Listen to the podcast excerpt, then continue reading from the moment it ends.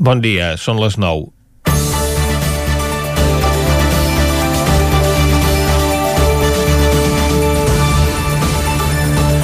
Un jutjat de Barcelona absolia ahir l'activista Tamara Carrasco, detinguda fa dos anys i mig en el que va ser la primera actuació policial contra els comitès de defensa de la República.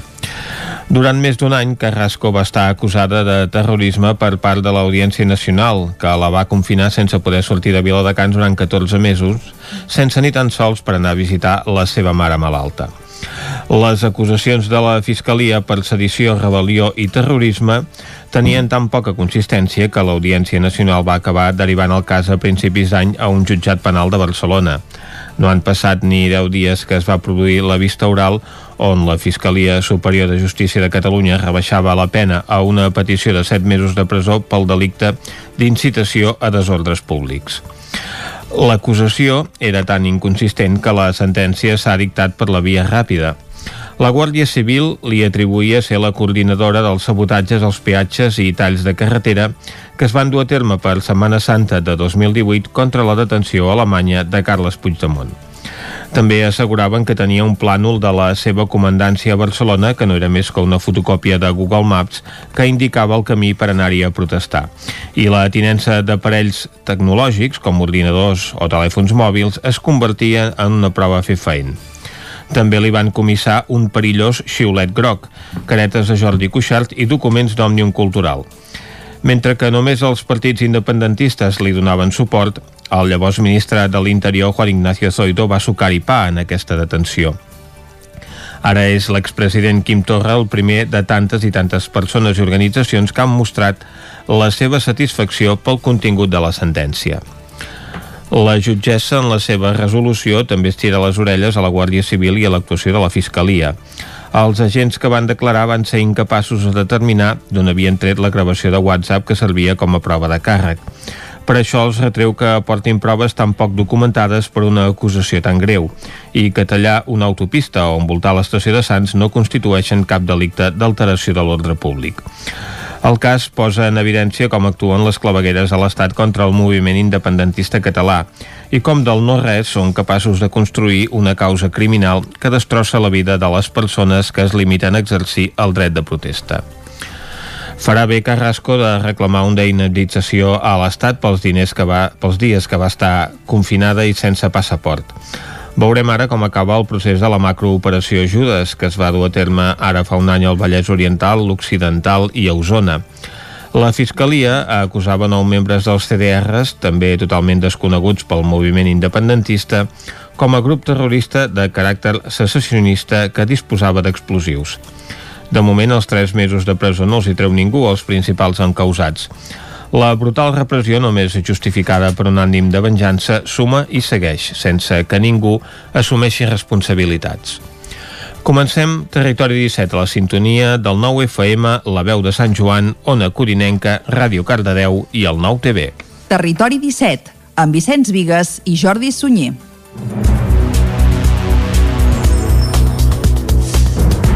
Són les 9 i 3 minuts i mig del dimecres, dia 7 d'octubre de 2020. Arrenca aquí un nou Territori 17 que avui, com tots els dimecres, durant la primera hora us acostarà tota l'actualitat de les nostres comarques. Després tindrem secció de lletra ferits, també el territori sostenible i per acabar, al punt de les 12 farem un repàs a l'agenda cultural per aquest proper cap de setmana. Abans, però, i com fem sempre, el que farem és arrencar fent un repàs a l'actualitat de les nostres comarques, les comarques del Ripollès, Osona, el Moianès i el Vallès Oriental.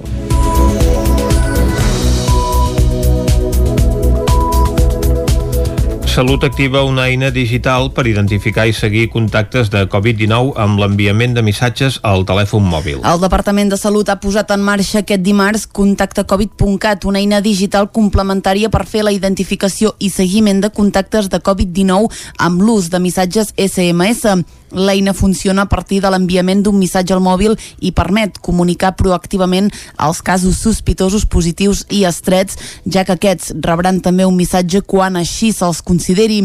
En una primera fase, des de dijous de la setmana passada, es van enviar 12.118 missatges a casos sospitosos i 5.165 a confirmats, dels quals van accedir a l'eina 18.943 vegades i 7.812 respectivament.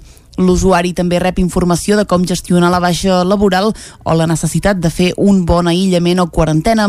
La directora de l'àrea de Ciutadania, Innovació i Usuari del Servei Català de la Salut, Rosa Romà, recalcava que l'aplicació té com a objectiu millorar la capacitat d'informar i implicar les persones amb sospita de Covid-19 i positives de les mesures d'aïllament i de declaració de contactes pel rastreig epidemiològic per avisar el més aviat possible els contactes estrets.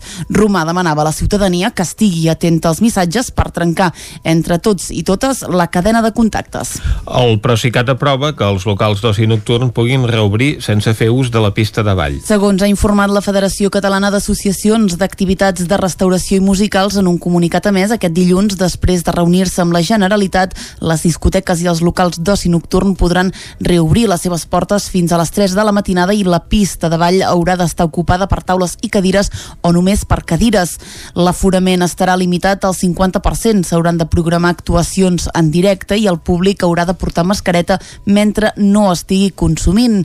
A més, hauran de portar un registre d'assistents i hi haurà d'haver gel hidroalcohòlic a disposició dels assistents. Ahir el govern de la Generalitat decidia que l'oci nocturn podia tornar a obrir les seves portes després del tancament preventiu per la Covid-19. David Oladell, de Ràdio Televisió, Cardedeu. Després de la manifestació de dilluns per part de propietaris de locals d'oci nocturn i treballadors de la nit, ahir mateix una reunió a la Generalitat va fer canviar el funcionament i es va donar el permís perquè a partir d'aquest cap de setmana les discoteques i locals nocturns puguin tornar a obrir. Des de Llinars, Jordi Ambrós, propietari de la Farra, ho veu d'aquesta manera. Han reconegut que no era culpa nostra.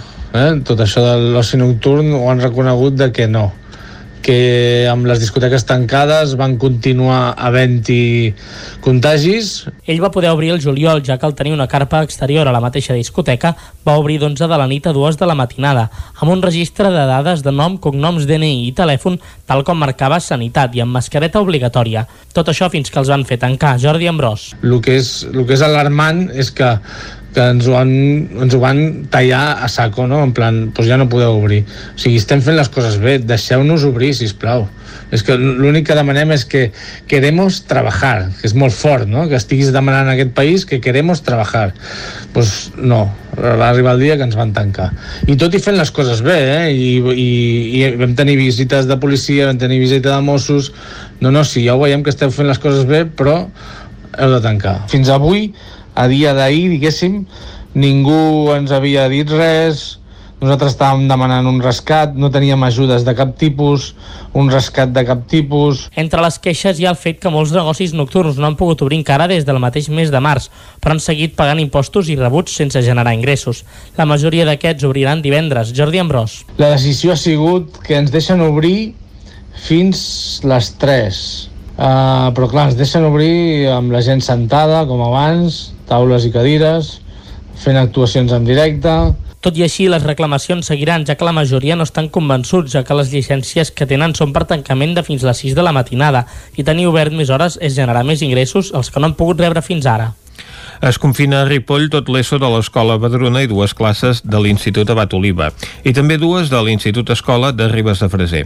Isaac Muntades, des de la veu de Sant Joan.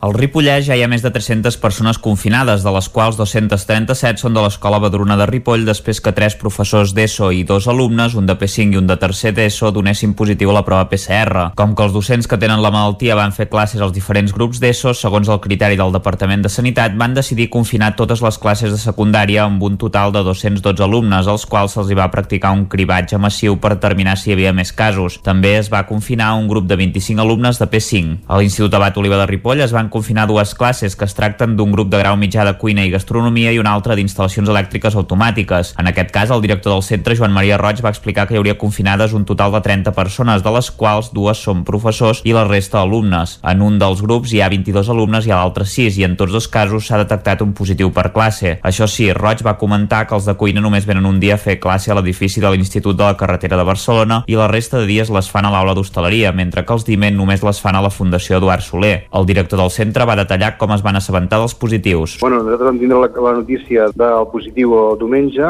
Nosaltres diumenge vam trucar, ens vam posar en contacte amb totes les famílies, els vam comunicar que hi havia el positiu i llavors un cop nosaltres els truquem, diguéssim que comença l'aïllament per la persona. Però per la classe sí, eh? I la classe està confinada des de dilluns. I el que fem és que totes les classes que confinem tenen la possibilitat de seguir el curs de manera telemàtica. Ara estan a l'espera dels resultats PCR que els hi va venir a fer salut per si hi ha algun altre positiu. També s'ha hagut d'aïllar un grup de segon d'ESO i la meitat de primer d'ESO amb un total de 37 alumnes a l'Institut Escola de Ribes de Freser. En el cas de l'Institut Ribetà, de moment no s'ha confirmat cap resultat positiu, però s'ha fet per precaució perquè van tenir contacte amb una persona que no era de l'institut. Segons una mestra de l'escola, no ha calgut aïllar nens de primària perquè els edificis on hi ha aquests nens i els de secundària estan separats. D'altra banda, ja s'han confirmat tres positius al Centre d'Educació Especial Ramon Sorinyac de Ripoll. Jornada participativa a Torelló per inaugurar el nou curs escolar. Aquest dimecres Torelló inicia el procés participatiu del projecte educatiu de ciutat en el marc de la xerrada inaugural del curs escolar. En aquesta ocasió es farà de forma virtual a partir de les 7 de la tarda i anirà a càrrec de Jordi Collet, professor de Sociologia de l'Educació a la Universitat de Vic. En acabar es farà una dinàmica participativa amb tots els assistents a la sessió.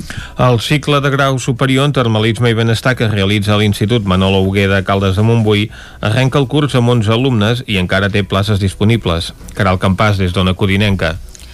Des del passat 21 de setembre ha començat la primera edició del cicle formatiu de grau superior en termalisme i benestar que s'imparteix de manera exclusiva a l'Institut Manol. El curs ofereix coneixements concrets sobre les propietats i les diverses aplicacions de l'aigua termal. A banda de l'Institut, en el desenvolupament del cicle intervenen també el Departament d'Educació, l'Associació Balneària de Catalunya, l'Ajuntament de Caldes i els balnearis de la Vila. El cicle té una durada de dos anys amb un total de 2.000 hores hores de formació, 380 de les quals corresponen a les pràctiques que es duen a terme precisament en els establiments termals de Caldes. Avui la formació compta amb 11 alumnes matriculats, dos dels quals s'han desplaçat des del País Basc i Andorra.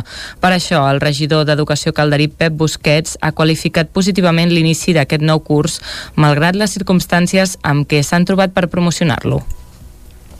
Valorem molt positivament eh, el nombre d'inscrits, ja que tampoc no vam poder fer la difusió que ens hagués agradat. Teníem previst eh, anar a diferents salons, com el Saló de l'Ensenyament, el Saló de la Formació Professional que es feia a Granollers, entre d'altres municipis també eh, de Catalunya on, on hi ha balnearis per fer-ne difusió als propis instituts, o sigui, teníem tota una, una campanya de difusió establerta que no, no la vam poder fer, simplement vam poder fer la difusió a través de, de, doncs, de mitjans de comunicació i bé, valorem positivament eh, amb la poca difusió que hem pogut fer i amb la situació de la pandèmia fins al 30 d'octubre encara hi ha temps per matricular-se a aquest cicle de grau superior amb validesa a tot l'estat espanyol que ofereix sortides professionals com ara tècnic en tractaments estètics integrals o especialista en tècniques hidroestètiques, entre d'altres.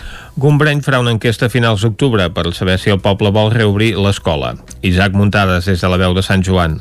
Després de fer una enquesta popular en què els gombranesos van votar a favor de mantenir el so de les campanes durant la nit, a finals d'aquest mes d'octubre els habitants de Gombrèn tornaran a estar cridats a les urnes per decidir si volen la reobertura de l'escola rural o no. Aquest passat dissabte es va celebrar una assemblea ciutadana informativa amb l'assistència d'unes 20 persones a la plaça coberta del municipi per debatre sobre aquest tema. L'alcalde de Tot Junts Fem Gombrèn, César Uller, va explicar als assistents, la majoria dels quals eren famílies amb fills, que ara al principi per reobrir el centre el Departament d'Educació només tindran en compte els nens que estiguin empadronats a Gombrèn. Encara encara que els consta que en vindran de Camp de Bànol i Ripoll perquè els pares consideren que a les escoles d'allà és més difícil implantar un projecte educatiu determinat perquè hi ha més alumnes i classes. A les famílies també se'ls va explicar que hi haurà un temps de transició perquè a aquelles que porten els nens a escoles d'un altre municipi se'ls hi pagui el transport escolar i el menjador, un fet que van trobar molt atractiu. En principi, a l'enquesta de finals de mes hi podran votar les persones majors de 16 anys i que estiguin empadronades a Gombrèn, que són un total de 198 habitants aproximadament. Uller va explicar quines són les preguntes que se sotmetran a votació. El poble de Gombrèn, tots tots, tinguin canalla o no amb edat escolar.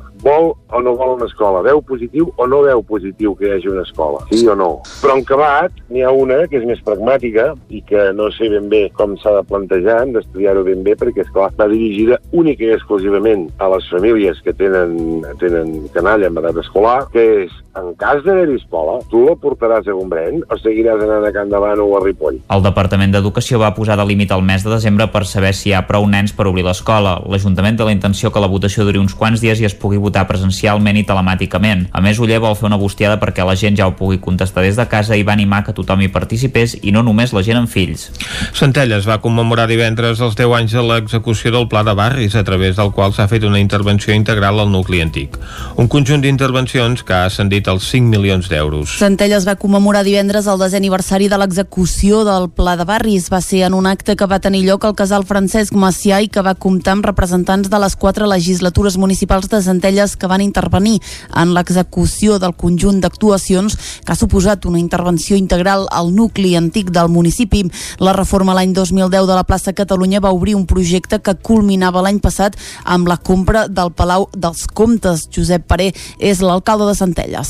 L'any 2020 doncs, podem dir que els van poder executar amb la seva integritat i això ha sigut possible perquè el projecte que es va presentar en el seu moment no ha perdut la, la vigència i vol dir que era un projecte adaptat en el municipi, adaptat en el desenvolupament del, del poble i que donava resposta a les principals necessitats.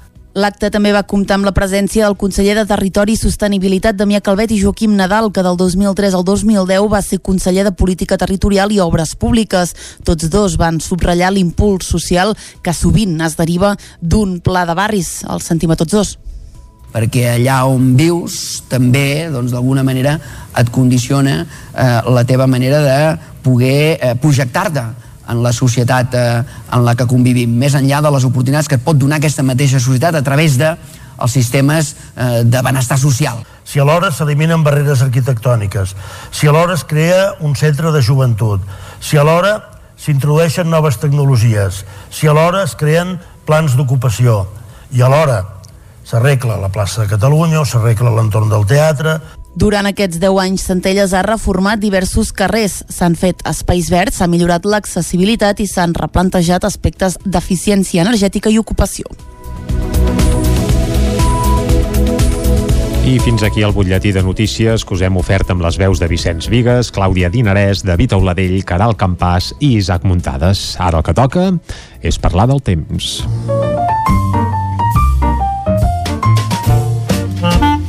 Casa Terradellos us ofereix el temps. I a Territori 17 parlar del temps és parlar amb el Pep Acosta. Pep, molt bon dia. Hola, molt bon dia. Bon dia, bon dia. Meteorològicament parlant, és una setmana molt plàcida, eh? No ens podem queixar. De moment, eh, deixant a banda el cap de setmana, jo dic la setmana, eh? La setmana aquesta, que de moment portem, és molt plàcida, hi ha una tranquil·litat meteorològica bastant important, tenim un anticicló sobre, les nits són més suaus, i si heu observat el cel, podeu veure Mart, eh, vermell, eh, perfectament. Eh, és, de, és dels dies que està més a prop, més a prop nostre des de fa molts, molts anys. Eh, per tant, es veu perfectament i és, és un goig veure'l. El planeta vermell, que el tenim bastant, bastant a la vora i es pot veure perfectament aquests dies. Està bastant a prop de la Lluna, ara s'han separat una mica, però és un autèntic plaer veure el cel aquests dies, veure Mart en tot el seu esplendor. Deixem Mart i anem ara ja pel temps, pel temps d'aquí, pel temps de les nostres comarques, i com deia, molt tranquil. Aquesta nit ha estat força suau, només ha fet una mica de fred a les zones més altes del Pirineu, però no, no ha fet. Jo crec que unes temperatures bastant, bastant normals per l'època de l'any, res a veure amb el fred del cap de setmana, uh, bé, bé, unes temperatures molt normals pel que fa, com deia, a l'època de l'any. I uns migdies mm, també molt suaus, uh, molt agradables, ahir màximes de 24-25 graus, molt bé, molt bé. En resum, molt bé aquesta setmana pel que fa al temps. I avui continua aquesta tònica amb algun matís, amb algun matís, perquè l'anticicló que ens està dominant eh, es va, com ho diria, es va, es va desfent, es va, mica en mica, es va fent-se més dèbil i això permet aquesta circulació de vents de oest, que de fet no ha parat, eh, es mantingui i algun front es comenci a costar. Es comenci a costar. Per tant, aquest matí, tranquil·litat, però núvols, núvols sobretot que afectaran eh, precisament de, de, de, de Catalunya a les nostres comarques. A les nostres comarques tindrem algun núvol, eh, al matí poca cosa i, com deia, les temperatures una mica més altes que les d'ahir. Les mínimes són molt suaus, molt suaus, ara mateix, eh, ara no, perdó, han sigut molt suaus a totes les nostres poblacions. Només, com deia, mica de fred a les zones més altes del Pirineu, lògicament deshabitades. Eh, no veu, no veu ningú molt, molt amunt del Pirineu. De cara a la tarda, augmentaran els núvols. I a on? On més augmentaran és al Vallès Oriental, a tot el prelitoral, i també a l'extrem sud del Moianès i d'Osona. Al Pirineu no hi haurà tants núvols com aquestes zones, i atenció, no es descarten allò quatre gotes, eh, no dic que plogui, eh? dic que no es descarten quatre gotes en aquestes zones del prelitoral central. Mm, eh, hi ha poca possibilitat, poder un 20 o un 30% de que plogui, però eh, poden caure quatre gotes. Si plouen seran totalment anecdòtiques, allò que es dius que mulles una mica al carrer, però bueno, és això, mullar una mica, treure una mica la pols i poca cosa més. I com deia, les temperatures molt semblants a les d'ahir, molt suaus, les màximes entre els 22 i els 25 graus a la majoria de les nostres magnífiques poblacions. De moment, no, no hi ha molts canvis. Mm -hmm. De cada cap de setmana, i ja anirem parlant perquè s'està formant una perturbació el que dèiem. i pot ser sí, que sí. torni a haver-hi un cap de setmana igual que els dos últims. Moltes gràcies Bé. i fins demà. Adéu. Ahir, ahir en parlàvem precisament que quan arriba el cap de setmana meteorològicament se'ns complica el tema i més si és amb caps de setmana que fem festa, oi Vicenç? Doncs Això... sí, i a més de pont, no? Perquè són ah. tres dies aquest cap de setmana. Ah, és, és cert, el sí. Dilluns, un dia... Correcte, dilluns tampoc hi serem a Territori 17, no. eh? Uh, bé, uh, què hi farem? si plou, doncs tancats a casa i si no, doncs també. Ahir ens van deixar clar que plovent també es pot anar a buscar bolets, per exemple. Però no entrarem en aquest tema, on hem d'anar ara és cap al quiosc. Anem-hi. Casa Tarradellas us ha ofert aquest espai. Territori 17. Envia'ns les teves notes de veu per WhatsApp al 646 079 023. 646 079 023. WhatsApp Territori 17.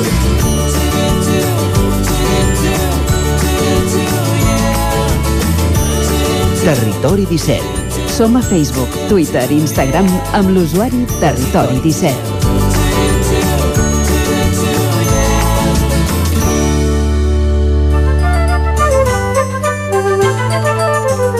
Anem ara cap al quiosc per veure què treuen en portada els diaris d'avui, Clàudia. Bon dia de nou, comencem, Vicenç, com sempre, amb el punt avui que diu nou cas a Europa.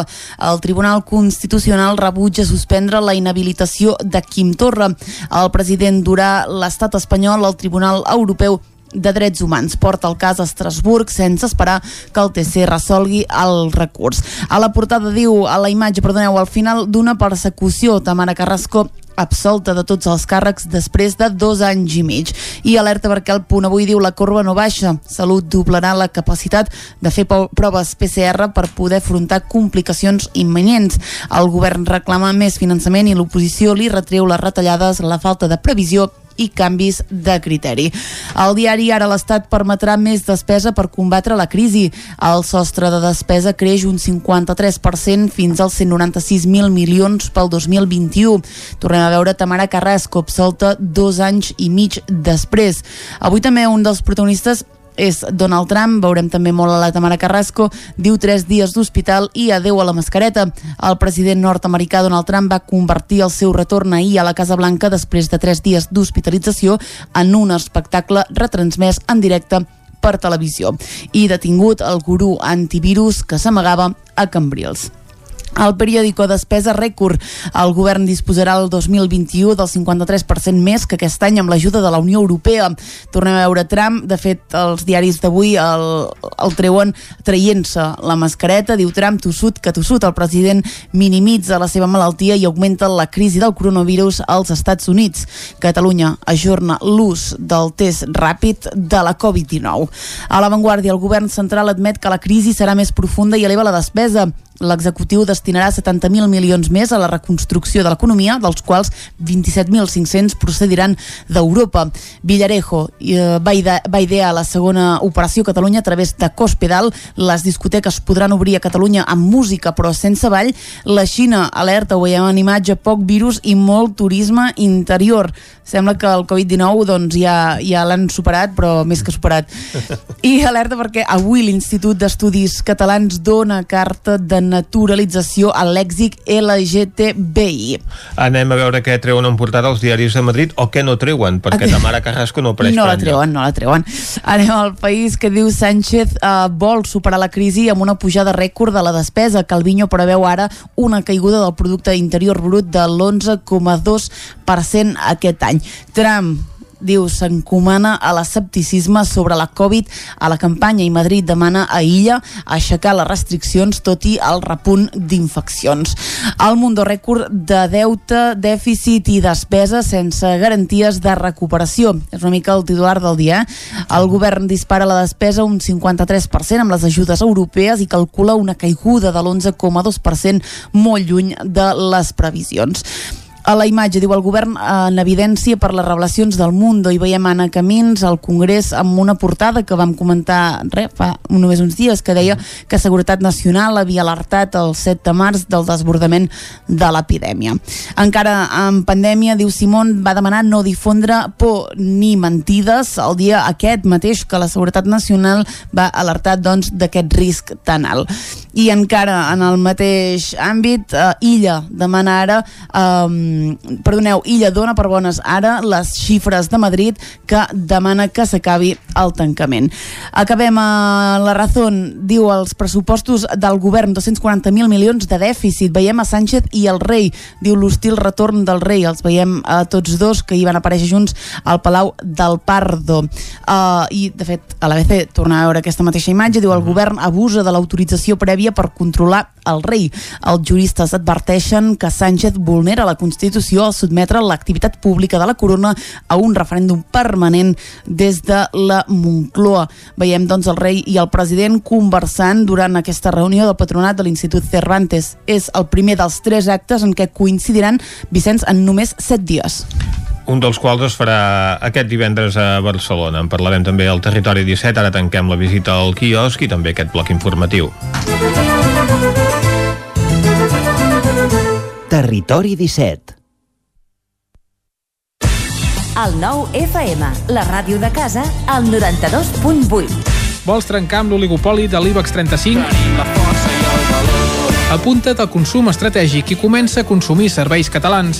Per això et convidem a omplir el dipòsit a Petrolis Independents. A Osona ens trobaràs al polígon Mas Galí de Vic i a Centelles just després de la sortida sud. Si vols factura, entra a la nostra pàgina web petrolisindependents.cat i dona't d'alta.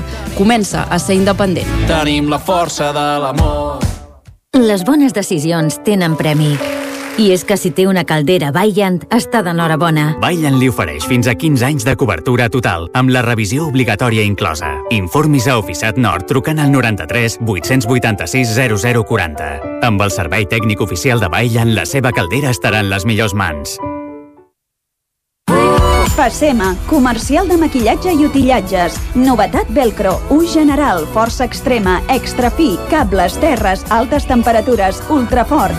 Recorda, novetat Velcro exclusiu a Osona. Passema. Som al polígon Sot dels Pradals, al carrer Cervera 10 de Vic. Telèfon 93 885 32 51. Passema.com Cocodril Club. Si t'agrada la bona música dels anys 60, 70 i 80, escolta el 9 FM als matins de dissabtes i diumenges d'11 a 1.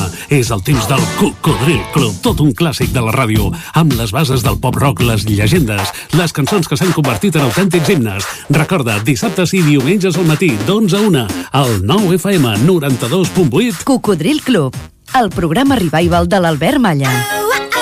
Hasta luego, cocodrilo. Anuncia't al 9FM. La màquina de casa. 9 3 8 8 9 4 9 4 9. Publicitat arroba al 9FM.cat. Anuncia't al 9FM. La publicitat més eficaç. Breda, mil anys als peus del Montseny. Vine a Breda i trobaràs botigues de ceràmica i terrissa el monestir benedictí de Sant Salvador de Breda, el Museu Aragai sobre l'obra de l'artista noucentista Josep Aragai i el Centre Cultural Els Forns, un centre d'interpretació de la tradició terrissaire del poble. Passeja pel castell de Montsoriu, la fortalesa gòtica més important de Catalunya. Més informació a turismebreda.cat. Rètols 2 Art. Experts en comunicació visual. Rètols, vinils, impressió, plaques gravades, senyalització, displays electrònics, tall làser... Rètols 2 Art. Ens trobareu a la carretera de Vic a Olot número 7, al polígon Malloles de Vic. dosartvic.com Telèfon 93 889 2588. El 9 FM, la ràdio de casa, al 92.8. Territori 17, amb Vicenç Vigues i Jordi Sunyer.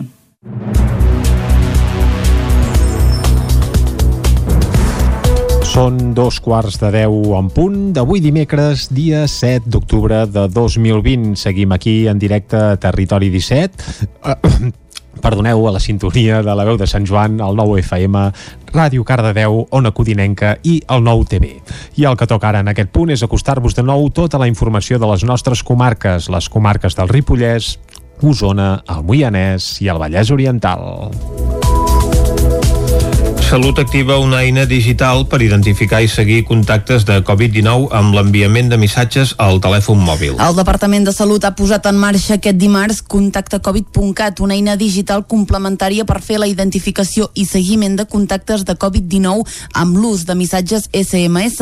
L'eina funciona a partir de l'enviament d'un missatge al mòbil i permet comunicar proactivament els casos sospitosos positius i estrets, ja que aquests rebran també un missatge quan així se'ls consideri. En una primera fase, des de dijous de la setmana passada, es van enviar 12.118 missatges a casos sospitosos i 5.165 a confirmats, dels quals van accedir a l'eina 18.943 vegades i 7.812 respectivament. L'usuari també rep informació de com gestionar la baixa laboral o la necessitat de fer un bon aïllament o quarantena. La directora de l'àrea de Ciutadania, Innovació i Usuari del Servei Català de la Salut, Rosa Romà, recalcava que l'aplicació té com a objectiu millorar la capacitat d'informar i implicar les persones amb sospita de Covid-19 i positives de les mesures d'aïllament i de declaració de contactes pel rastreig epidemiològic per avisar el més aviat possible els contactes estrets. Romà demanava a la ciutadania que estigui atenta als missatges per trencar entre tots i totes la cadena de contactes. El Procicat aprova que els locals d'oci nocturn puguin reobrir sense fer ús de la pista de ball. Segons ha informat la Federació Catalana d'Associacions d'Activitats de Restauració i Musicals en un comunicat a més aquest dilluns, després de reunir-se amb la Generalitat, les discoteques i els locals d'oci nocturn podran reobrir les seves portes fins a les 3 de la matinada i la pista de ball haurà d'estar ocupada per taules i cadires o només per cadires. L'aforament estarà limitat al 50%. S'hauran de programar actuacions en directe i el públic haurà de portar mascareta mentre no estigui consumint. A més, hauran de portar un registre d'assistents i hi haurà d'haver gel hidroalcohòlic a disposició dels assistents. Ahir el govern de la Generalitat decidia que l'oci nocturn podia tornar a obrir les seves portes després del tancament preventiu per la Covid-19. David Oladell, de Ràdio Televisió, Cardedeu. Després de la manifestació de dilluns per part de propietaris de locals d'oci nocturn i treballadors de la nit, ahir mateix una reunió a la Generalitat va fer canviar el funcionament i es va donar el permís perquè a partir d'aquest cap de setmana les discoteques i locals nocturns puguin tornar a obrir. Des de Llinars, Jordi Ambrós, propietari de la Farra, ho veu d'aquesta manera. Han reconegut que no era culpa nostra. Eh? Tot això de l'oci nocturn ho han reconegut de que no que amb les discoteques tancades van continuar havent-hi contagis. Ell va poder obrir el juliol, ja que al tenir una carpa exterior a la mateixa discoteca va obrir d'11 de la nit a 2 de la matinada, amb un registre de dades de nom, cognoms, DNI i telèfon, tal com marcava Sanitat i amb mascareta obligatòria. Tot això fins que els van fer tancar. Jordi Ambrós. El que és, el que és alarmant és que, que ens, ho han, ens ho van tallar a saco, no? En plan, doncs ja no podeu obrir. O sigui, estem fent les coses bé, deixeu-nos obrir, si plau. És que l'únic que demanem és que queremos trabajar, que és molt fort, no? Que estiguis demanant en aquest país que queremos trabajar. Doncs pues no, va arribar el dia que ens van tancar. I tot i fent les coses bé, eh? I, i, i vam tenir visites de policia, vam tenir visita de Mossos... No, no, sí, ja ho veiem que esteu fent les coses bé, però heu de tancar. Fins avui a dia d'ahir, diguéssim, ningú ens havia dit res, nosaltres estàvem demanant un rescat, no teníem ajudes de cap tipus, un rescat de cap tipus... Entre les queixes hi ha el fet que molts negocis nocturns no han pogut obrir encara des del mateix mes de març, però han seguit pagant impostos i rebuts sense generar ingressos. La majoria d'aquests obriran divendres. Jordi Ambrós. La decisió ha sigut que ens deixen obrir fins les 3. Uh, però clar, ens deixen obrir amb la gent sentada, com abans, taules i cadires, fent actuacions en directe, tot i així, les reclamacions seguiran, ja que la majoria no estan convençuts, ja que les llicències que tenen són per tancament de fins a les 6 de la matinada, i tenir obert més hores és generar més ingressos els que no han pogut rebre fins ara. Es confina a Ripoll tot l'ESO de l'Escola Badruna i dues classes de l'Institut Abat Oliva i també dues de l'Institut Escola de Ribes de Freser. Isaac Muntades, des de la veu de Sant Joan. Al Ripollès ja hi ha més de 300 persones confinades, de les quals 237 són de l'Escola Badruna de Ripoll, després que tres professors d'ESO i dos alumnes, un de P5 i un de tercer d'ESO, donessin positiu a la prova PCR. Com que els docents que tenen la malaltia van fer classes als diferents grups d'ESO, segons el criteri del Departament de Sanitat, van decidir confinar totes les classes de secundària amb un total de 212 alumnes, als quals se'ls va practicar un cribatge massiu per determinar si hi havia més casos. També es va confinar un grup de 25 alumnes de P5. A l'Institut Abat Oliva de Ripoll es van van confinar dues classes que es tracten d'un grup de grau mitjà de cuina i gastronomia i una altra d'instal·lacions elèctriques automàtiques. En aquest cas, el director del centre, Joan Maria Roig, va explicar que hi hauria confinades un total de 30 persones, de les quals dues són professors i la resta alumnes. En un dels grups hi ha 22 alumnes i a l'altre 6 i en tots dos casos s'ha detectat un positiu per classe. Això sí, Roig va comentar que els de cuina només venen un dia a fer classe a l'edifici de l'Institut de la Carretera de Barcelona i la resta de dies les fan a l'aula d'hostaleria, mentre que els d'IMEN només les fan a la Fundació Eduard Soler. El director del centre va detallar com es van assabentar dels positius. Bueno, nosaltres vam tindre la, la notícia del positiu el diumenge. Nosaltres diumenge vam trucar, ens vam posar en contacte amb totes les famílies, els vam comunicar que hi havia el positiu i llavors un cop nosaltres els truquem, diguéssim que comença l'aïllament per la persona. Però per la classe sí, eh? I la classe està confinada des de dilluns. I el que fem és que totes les classes que confinem tenen la possibilitat de seguir el curs de manera telemàtica. Ara estan a l'espera dels resultats PCR que els hi va venir a fer salut per si hi ha algun altre positiu. També s'ha hagut d'aïllar un grup de segon d'ESO i la meitat de primer d'ESO amb un total de 37 alumnes a l'Institut Escola de Ribes de Freser. En el cas de l'Institut Ribetà, de moment no s'ha confirmat cap resultat positiu, però s'ha fet per precaució perquè van tenir contacte amb una persona que no era de l'institut. Segons una mestra de l'escola, no ha calgut aïllar nens de primària perquè els edificis on hi ha aquests nens i els de secundària estan separats. D'altra banda, ja s'han confirmat tres positius al Centre d'Educació Especial Ramon Sorinyac de Ripoll. Jornada participativa a Torelló per inaugurar el nou curs escolar. Aquest dimecres Torelló inicia el procés participatiu del projecte educatiu de ciutat en el marc de la xerrada inaugural del curs escolar. En aquesta ocasió es farà de forma virtual a partir de les 7 de la tarda i anirà a càrrec de Jordi Collet, professor de Sociologia de l'Educació a la Universitat de Vic. En acabar es farà una dinàmica participativa amb tots els assistents a la sessió. El cicle de grau superior en termalisme i benestar que realitza l'Institut Manolo Hugué de Caldes de Montbui arrenca el curs amb 11 alumnes i encara té places disponibles. Caral Campàs, des d'Ona Codinenca. Des del passat 21 de setembre ha començat la primera edició del cicle formatiu de grau superior en termalisme i benestar que s'imparteix de manera exclusiva a l'Institut Manol. El curs ofereix coneixements concrets sobre les propietats i les diverses aplicacions de l'aigua termal. A banda de l'Institut, en el desenvolupament del cicle intervenen també el Departament d'Educació, l'Associació Balneària de Catalunya, l'Ajuntament de Caldes i els balnearis de la Vila. El cicle té una durada de dos anys amb un total de 2.000 hores de formació, 380 de les quals corresponen a les pràctiques que es duen a terme precisament en els establiments termals de Caldes. Avui la formació compta amb 11 alumnes matriculats, dos dels quals s'han desplaçat des del País Basc i Andorra.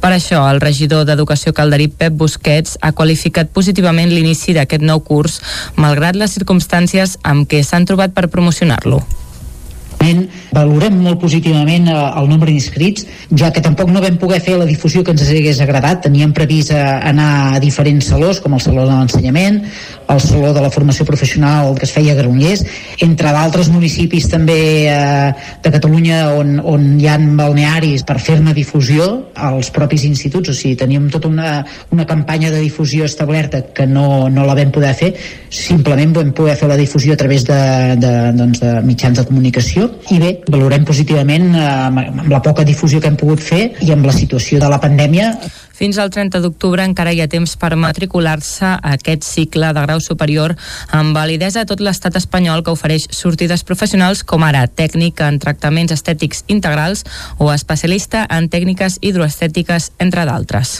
Gombreny farà una enquesta a finals d'octubre per saber si el poble vol reobrir l'escola. Isaac Muntades, des de la veu de Sant Joan.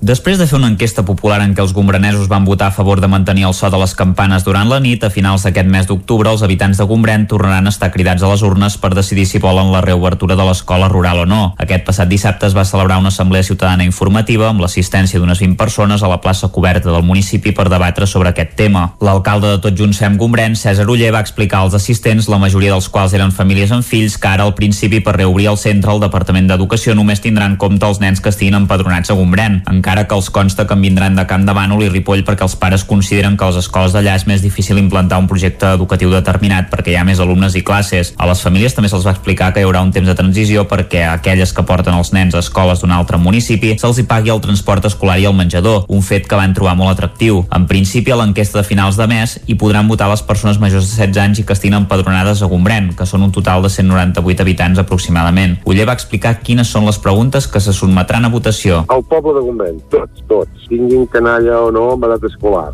Vol o no vol una escola? Veu positiu o no veu positiu que hi hagi una escola? Sí o no? Però en acabat n'hi ha una que és més pragmàtica i que no sé ben bé com s'ha de plantejar, hem d'estudiar-ho ben bé perquè, esclar, va dirigida única i exclusivament a les famílies que tenen, tenen canalla amb edat escolar, que és, en cas d'haver-hi escola, tu la portaràs a Gombrèn o seguiràs anant a Can Davant o a Ripoll? El Departament d'Educació va posar de límit el mes de desembre per saber si hi ha prou nens per obrir l'escola. L'Ajuntament té la intenció que la votació duri uns quants dies i es pugui votar presencialment i telemàticament. A més, Uller vol fer una bustiada perquè la gent ja ho pugui contestar des de casa i va animar que tothom hi participés i no només la gent amb fills.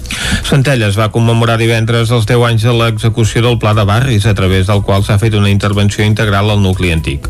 Un conjunt d'intervencions que ha ascendit als 5 milions d'euros. Centelles va commemorar divendres el desè aniversari de l'execució del Pla de Barris. Va ser en un acte que va tenir lloc al casal Francesc Macià i que va comptar amb representants de les quatre legislatures municipals de Centelles que van intervenir en l'execució del conjunt d'actuacions que ha suposat una intervenció integral al nucli antic del municipi. La reforma l'any 2010 de la plaça Catalunya va obrir un projecte que culminava l'any passat amb la compra del Palau dels Comtes. Josep Paré és l'alcalde de Centelles. L'any 2020 doncs, podem dir que els van poder executar amb la seva integritat i això ha sigut possible perquè el projecte que es va presentar en el seu moment no ha perdut la, la vigència i vol dir que era un projecte adaptat en el municipi, adaptat en el desenvolupament del, del poble i que donava resposta a les principals necessitats. L'acte també va comptar amb la presència del conseller de Territori i Sostenibilitat Damià Calvet i Joaquim Nadal, que del 2003 al 2010 va ser conseller de Política Territorial i Obres Públiques.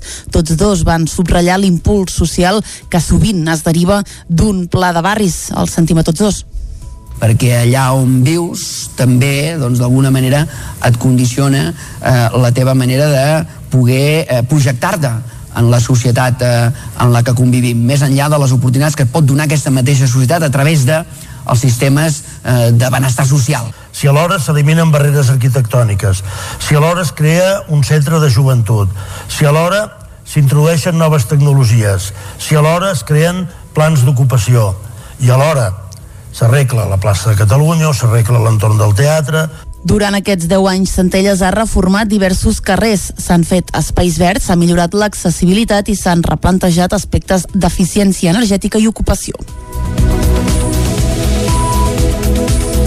I fins aquí el butlletí de notícies que us hem ofert amb les veus de Vicenç Vigues, Clàudia Dinarès, David Auladell, Caral Campàs i Isaac Muntades. Ara el que toca és parlar del temps.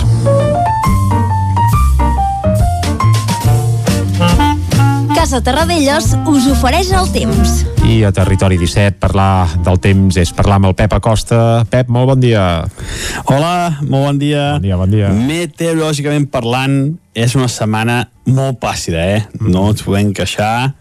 De moment, eh, deixant a banda cada setmana, jo dic la setmana, eh? La setmana aquesta, que de moment portem, és molt plàcida, hi ha una tranquil·litat meteorològica bastant important tenim un anticicló a sobre, les nits són més suaus, i si heu observat el cel, podeu veure Mart, eh, vermell, eh, perfectament. Eh, és, de, és dels dies que està més a prop, més a prop nostre des de fa molts, molts anys. Eh, per tant, es veu perfectament i és, és un goig veure'l el planeta vermell, que el tenim bastant, bastant a la vora i es pot veure perfectament aquests dies. Està bastant a prop de la Lluna, ara s'han separat una mica, però és un autèntic plaer veure el cel aquests dies, veure Mart en tot el seu esplendor. Deixem Mart i anem ara ja pel temps, pel temps d'aquí, pel temps de les nostres comarques, i com deia, molt tranquil. Aquesta nit ha estat força suau, només ha fet una mica de fred a les zones més altes del Pirineu, però mm, no, no ha fet... Jo crec que unes temperatures bastant, bastant normals per l'època de l'any, res a veure amb el fred del cap de setmana, uh, bé, bé, unes temperatures molt normals pel que fa, com deia, a l'època de l'any. I uns migdies mm, també molt suaus, uh, molt agradables, ahir màximes de 24-25 graus, molt bé, molt bé. En resum, molt bé aquesta setmana pel que fa al temps. I avui continua aquesta tònica amb algun matís, amb algun matís, perquè l'anticicló que ens està dominant eh, es va, mm, com ho diria, es va, es va desfent, es va, mica en mica, es va mm, fent-se més dèbil i això permet aquesta circulació de vents de oest, que de fet no ha parat, eh, es mantingui i algun front es comenci a costar. Es comenci a costar. Per tant, aquest matí, tranquil·litat, però núvols. Núvols, sobretot, que afectaran eh, precisament de, de, de, de Catalunya a les nostres comarques. A les nostres comarques tindrem algun núvol, eh, al matí poca cosa, i, com deia, les temperatures una mica més altes que les d'ahir. Les mínimes són molt suaus, molt suaus, ara mateix, eh, ara, ara no, perdó, han sigut molt suaus a totes les nostres poblacions només, com deia, mica de fred a les zones més altes del Pirineu, lògicament deshabitades. Eh, no veu, no veu ningú molt, molt amunt del Pirineu. De cara a la tarda, augmentaran els núvols. I a on? On més augmentaran és al Vallès Oriental, a tot el prelitoral, i també a l'extrem sud del Moianès i d'Osona. Al Pirineu no hi haurà tants núvols com aquestes zones, i atenció, no es descarten allò quatre gotes, eh, no dic que plogui, eh? dic que no es descarten quatre gotes en aquestes zones del prelitoral central. Mm, eh, hi ha poca possibilitat, poder un 20 o un 30% de que plogui, però eh, poden caure quatre gotes. Si plouen seran totalment anecdòtiques, allò que es diu que mulles una mica al carrer, però bueno, és això, mullar una mica, treure una mica la pols i poca cosa més i, com deia, les temperatures molt semblants a les d'ahir, molt suaus, les màximes entre els 22 i els 25 graus a la majoria de les nostres magnífiques poblacions. De moment, no, no hi ha molts canvis. De cada cap de setmana i ja anirem parlant perquè s'està s'està formant una perturbació el que dèiem. i pot ser sí, que torni a haver-hi un cap de setmana igual que els dos últims. Moltes gràcies Bé. i fins demà. Adéu. Ahir, ahir en parlàvem precisament que quan arriba el cap de setmana meteorològicament se'ns complica el tema i més si és en caps de setmana que fem festa, oi Vicenç? Doncs Això... sí, i a més de pont, no? Perquè són ah. tres dies aquest cap de setmana. Ah, és, és cert, el sí, dilluns... un dia... Correcte, dilluns tampoc hi serem a Territori 17, no. eh? Uh, bé, uh, què hi farem? si plou, doncs tancats a casa i si no, doncs també. Ahir ens van deixar clar que plovent també es pot anar a buscar bolets, per exemple. Però no entrarem en aquest tema, on hem d'anar ara és cap al quiosc. Anem-hi. Casa Tarradellas us ha ofert aquest espai. Territori 17. Envia'ns les teves notes de veu per WhatsApp al 646 079 023. 646 079 023. WhatsApp Territori 17.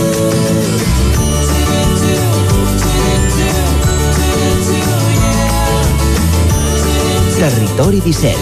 Som a Facebook, Twitter i Instagram amb l'usuari Territori 17.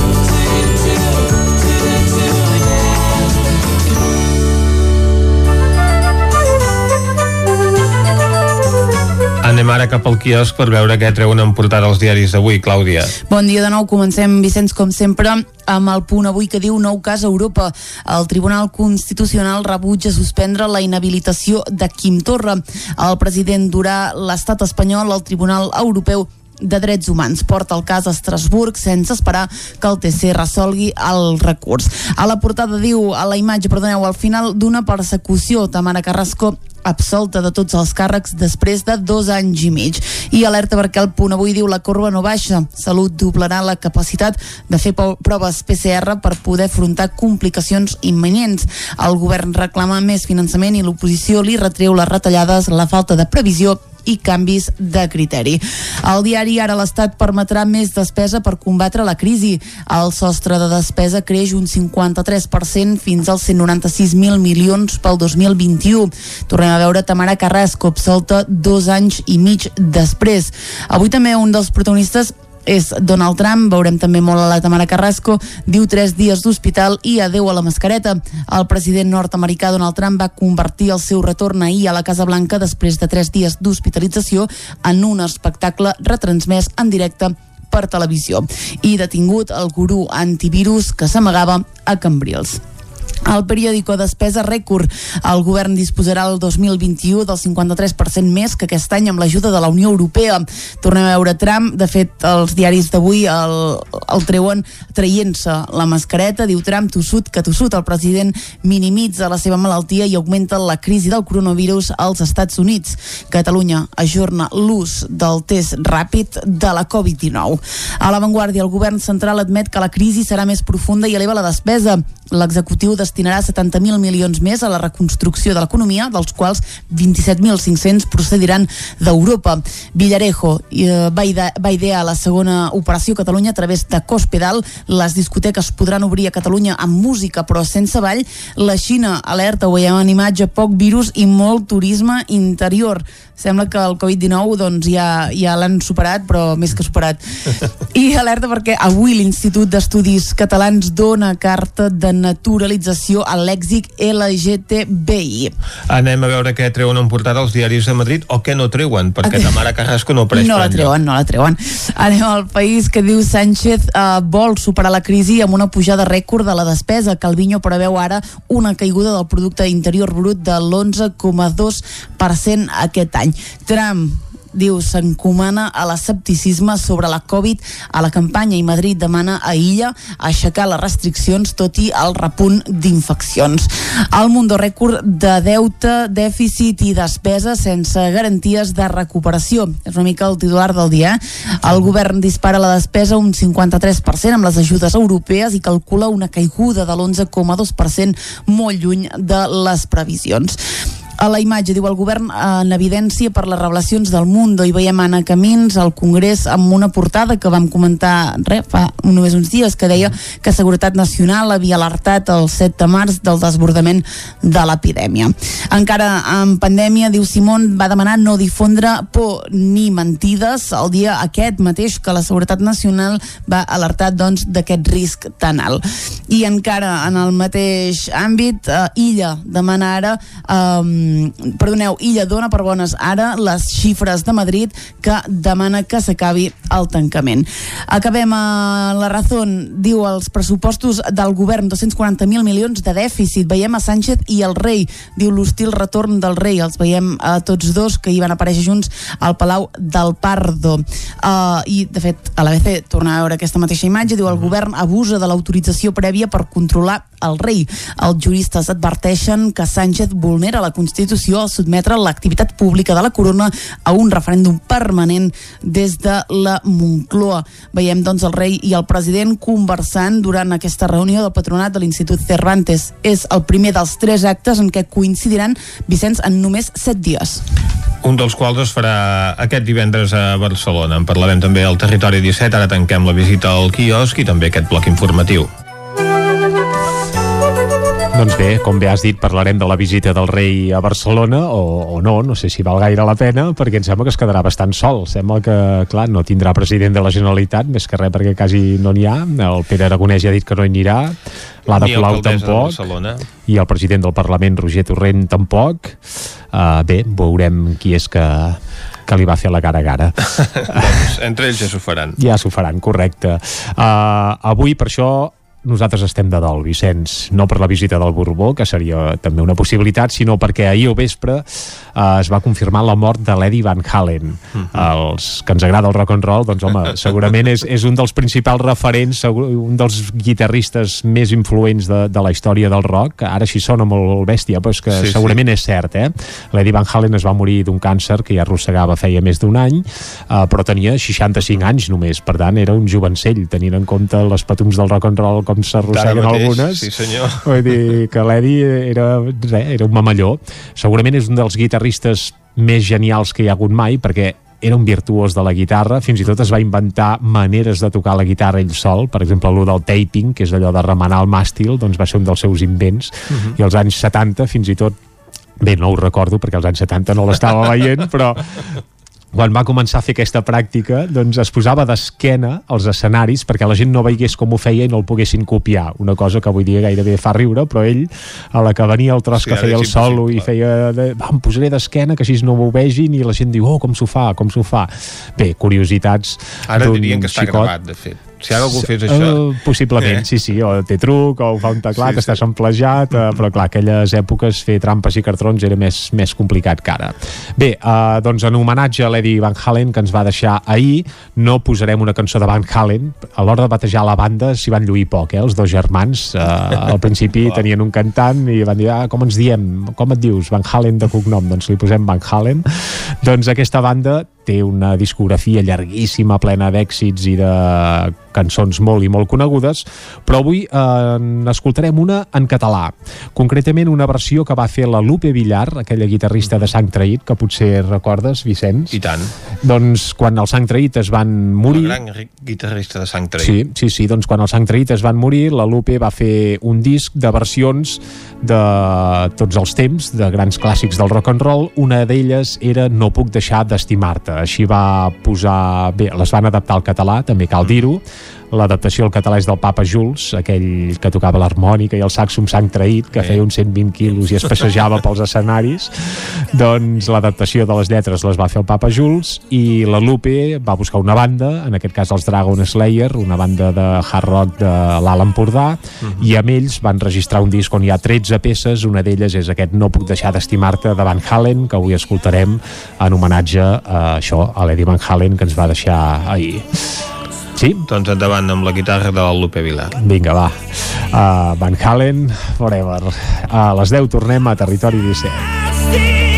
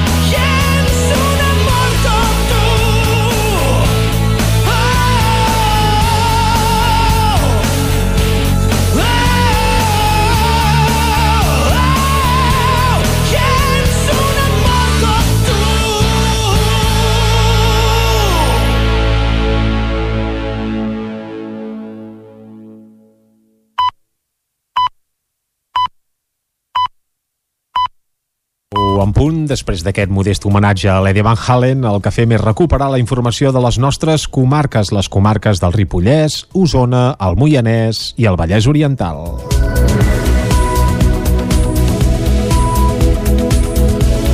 L'Ajuntament de Vic ha obert una nova convocatòria d'ajuts per rehabilitar pisos desocupats i destinar-los al lloguer social. Així es va aprovar per unanimitat al ple d'aquest dilluns. De nou en format telemàtic, el ple de Vic donava la benvinguda a Susana Vives i Roger Comeres, que aquest dilluns prenien possessió virtualment com a regidors de Capgirem Vic en substitució de Sara Blázquez i Joan Coma. El plenari va aprovar per unanimitat les normes i la convocatòria d'accés a ajudes de màxim 15.000 euros del programa INVIC destinades a rehabilitar pisos desocupats i incorporar-los a la borsa de lloguer social, un programa que té una durada de 5 anys. Susana Roura és la regidora d'habitatge perdoneu, de l'Ajuntament de Vic. és per 5 anys, perquè en això seguim la llei d'arrendaments urbans, que és el mínim de, de les, dels habitatges, i per tant, un cop eh, s'ha pagat, s'ha retornat via lloguers assequibles aquesta subvenció rebuda i un cop han transcorregut els 5 anys el lloguer queda mar lliure mercat. L'any 2018 el programa INVIC va comptar amb dos immobles, l'any passat amb un, una informació que donava Comeres responent a una pregunta que Vicky Terri Cabres d'Esquerra va formular a Susana Roura. El nou regidor de Capgirem Vic va aprofitar la seva intervenció per denunciar la poca acollida del programa. A la primera convocatòria s'hi van atendre dos pisos i a la segona un. I recordem que a la ciutat de Vic hi ha prop de 2.250 pisos buits i el que cal és més pisos a lloguer.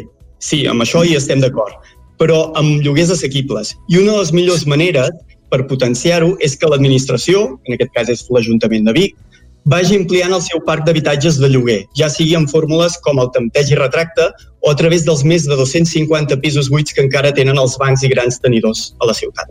Amb els vots en contra d'Esquerra i Capgirem Vic i l'abstenció del PSC, l'equip de govern va desestimar les al·legacions presentades per sis associacions sota el paraigua del col·lectiu Remei Reviu i va aprovar definitivament l'expropiació de la plaça de la Noguera. L'antic hotel Les Serrasses de Torelló no es convertirà en una residència per discapacitats intel·lectuals. L'Ajuntament torellonenc i Sant Tomàs han descartat el projecte en aquest emplaçament. L'Ajuntament de Torelló no comprarà finalment les terrasses per fer-hi la residència per discapacitats intel·lectuals que s'hi havia projectat al mandat anterior compartit amb l'associació Sant Tomàs. L'alcalde Marçal Ortuño insistia al ple d'aquest dilluns que el projecte d'un equipament assistencial es manté, que tindria una naturalesa híbrida per atendre gent gran amb diferents graus d'autonomia i també persones amb discapacitat. No serà, però, a l'antic hotel que hauria comprat l'Ajuntament i on Sant Tomàs hauria hagut d'invertir 5 milions d'euros per la reforma, una quantitat més alta de la que s'havia estimat inicialment. S'estan estudiant opcions a la zona on es concentren ja ara els pisos tutelats per gent gran, el casal cívic i la residència Cals Avis. Marcel Ortuño és l'alcalde de Torelló. que aquest emplaçament no compleix els requisits per tirar endavant el projecte o aval un informe de la, de la Diputació i és un acord que hem pres amb Sant Tomàs L'equip de govern d'Esquerra Junts per Torelló va tenir el suport del PSC en l'aprovació de la modificació de pressupost amb una quantitat total de 954.000 euros, que inclou els 680.000 que hi havia per comprar les terrasses i que es destinen a altres inversions. Més de mig milió serà per arreglar el ferm de carrers i places. La CUP i Junts per Catalunya hi van votar en contra. Neus Codina és la portaveu de Junts i Francesc Manrique de la CUP de Torelló i el mínim que es podria fer és reconèixer que no es vol dur a terme i destinar aquesta partida a altres projectes i necessitats socials. No hauria sigut una bona opció destinar aquests diners, per exemple, a acabar el projecte de l'antic cap de futbol del barri de Montserrat? El ple també va aprovar incrementar fins als 719.800 euros la partida prevista per l'adquisició de l'actual nau dels carrossaires a l'antiga Can Cata. Des del govern aclarien que hi ha els diners previstos però que caldrà debatre amb tots els agents implicats si es compra la nau actual o se'n fa una de nova. Junts per Catalunya es va abstenir i la CUP hi va votar en contra. El ple de Sant Celoni es posiciona a favor d'una iniciativa legislativa popular per millorar la protecció legal del Parc Natural del Montseny. David Oladell, de Ràdio Televisió, Cardedeu. La moció la va presentar el grup municipal de la CUP per donar suport a la ILP que permet dur al Parlament la proposta de millora legal del parc. Segons les entitats que promouen aquesta ILP, les normes que hi havia fins ara es basaven en reglaments i lleis urbanístiques obsoletes, que mai han tingut caràcter de llei al ser aprovades per diputacions o consellers comarcals i que podien ser eliminades sense cap intervenció de la població. Aquesta ILP permet dotar, com han exigit diverses vegades, el parc d'una protecció de llei amb rangs de protecció superiors als que ha gaudit històricament, combinant les figures de parc natural, de paratge natural d'interès nacional i de reserves naturals integrals previstes a la llei d'espais naturals. La proposta, per tant, seria crear un mosaic de zones amb diferents nivells de protecció, que puguin blindar zones d'alt interès natural i atorgar flexibilitat a d'altres per poder fer-los compatibles amb el desenvolupament social i cultural del parc, com es fan altres espais naturals. Desapareix el mural de denúncia de l'UO de Mollà, inspirat en el Guernica. L'obra inaugurada el passat aniversari del referèndum només ha durat 5 dies. Caral Campàs, des d'Ona Codinenca. La lona inspirada en el Guernica de Picasso i instal·lada a Mollà ha desaparegut aquest dimarts a la matinada. Eduard Altarriba, un dels autors, diu que ja esperaven. o era una cosa més o menys que ja ens esperàvem, eh? Com que havia tingut un cert rebombori mediàtic, eh, bueno, mediàtic no, però no havia circulat bastant per xarxes, i sobretot havia circulat també pels diaris més, diguem-ne, espanyolistes que diuen de, de l'ofensa aquesta, anti, antiindependentista, i com que ja sabem que hi ha grups aquests que es dediquen a, a córrer pels pobles i fins i tot han protagonitzat incidents violents, fa poc van agredir persones aquí de l'Ago i Sospina, eh, i actuen amb bastanta impunitat, doncs ja imaginaven que vindrien. I així, no, no ha sigut cap sorpresa. El particular Guernica de Mollà es va col·locar dijous en una paret de la plaça del Centre de Salut. L'ANC volia un mural que recreés i deixés memòria dels fets i de les sensacions d'aquella jornada del 2017 amb motiu del seu tercer aniversari. L'entitat va deixar la proposta en mans d'Eduard Altarriba i Irene Martí, que van decidir fer una fusió entre la reconeguda obra de Pablo Picasso i els fets de l'UO, un mural que es va imprimir sobre l'ona i instal·lar damunt d'una estructura de fusta per donar-li estabilitat. Era una obra de 6,40 metres d'amplada per 3 d'alçada. Eduard Altarriba. Segurament si al principi tenia que haver sigut una pintura, però com que ja, ja exactament per aquest motiu ja vam dir serà molta feina fer una pintura per, perquè vinguin quatre desgraciats i el xafin.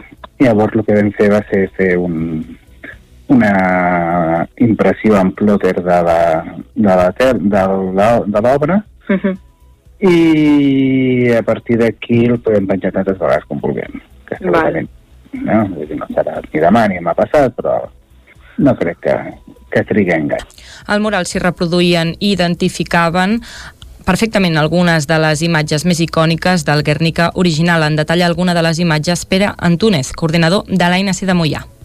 que s'hi caga. No hi ha un racó, hi ha un senyor que està mirant la televisió de les càrregues policials i està plorant. Hi ha el piolín a l'esquerra, amb un, amb, un, amb un policia d'aquests que està menjant les famoses croquetes que van dir que eren una merda. Hi ha un, hi ha un policia que fa la carga eh, i trepitja una margarita, o està a punt de trepitjar una margarita, i llavors hi ha aquell ferit que és ferit que trepitja les quatre, les quatre barres amb l'escut del policia que, l'acaba d'agredir. És que és una passada. La peça artística ha durat només 5 dies sencera i, de fet, Antúnez assenyala que encara no havien tingut temps de pagar els costos d'impressió. Davant la desaparició de l'obra, remarca que l'objectiu és tornar a col·locar de nou el mural durant les properes setmanes en moments estratègics, tot i que abans s'hauran de reunir per acordar-ho. Recentment, l'associació Unió de Brigades s'ha reivindicat com a autors de la desaparició del mural a través de les xarxes socials. Gombreny farà una enquesta a finals d'octubre per saber si el poble vol reobrir l'escola. Isaac Muntades és de la veu de Sant Joan. Després de fer una enquesta popular en què els gombrenesos van votar a favor de mantenir el so de les campanes durant la nit, a finals d'aquest mes d'octubre els habitants de Gombrèn tornaran a estar cridats a les urnes per decidir si volen la reobertura de l'escola rural o no. Aquest passat dissabte es va celebrar una assemblea ciutadana informativa amb l'assistència d'unes 20 persones a la plaça coberta del municipi per debatre sobre aquest tema. L'alcalde de Tot Junts Fem Gombrèn, César Uller, va explicar als assistents, la majoria dels quals eren famílies amb fills, que ara al principi per reobrir el centre el Departament d'Educació només tindrà en compte els nens que estiguin empadronats a Gombrèn, encara que els consta que en vindran de Camp de Bànol i Ripoll perquè els pares consideren que a les escoles d'allà és més difícil implantar un projecte educatiu determinat perquè hi ha més alumnes i classes. A les famílies també se'ls va explicar que hi haurà un temps de transició perquè aquelles que porten els nens a escoles d'un altre municipi se'ls hi pagui el transport escolar i el menjador, un fet que van trobar molt atractiu. En principi, a l'enquesta de finals de mes hi podran votar les persones majors de 16 anys i que estiguin empadronades a Gombrèn, que són un total de 198 habitants aproximadament. Uller va explicar quines són les preguntes que se sotmetran a votació. El poble de Gombrèn tots, tots, tinguin canalla o no amb edat escolar. Vol o no vol una escola, veu positiu o no veu positiu que hi hagi una escola, sí o no.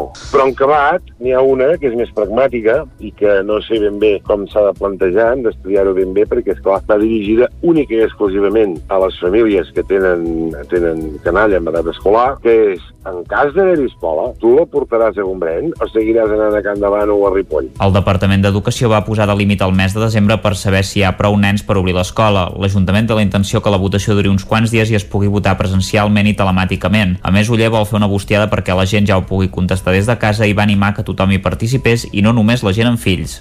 Centelles va commemorar divendres els 10 anys de l'execució del Pla de Barris a través del qual s'ha fet una intervenció integral al nucli antic. Un conjunt d'intervencions que han ascendit als 5 milions d'euros. Centelles va commemorar divendres el desè aniversari de l'execució del Pla de Barris.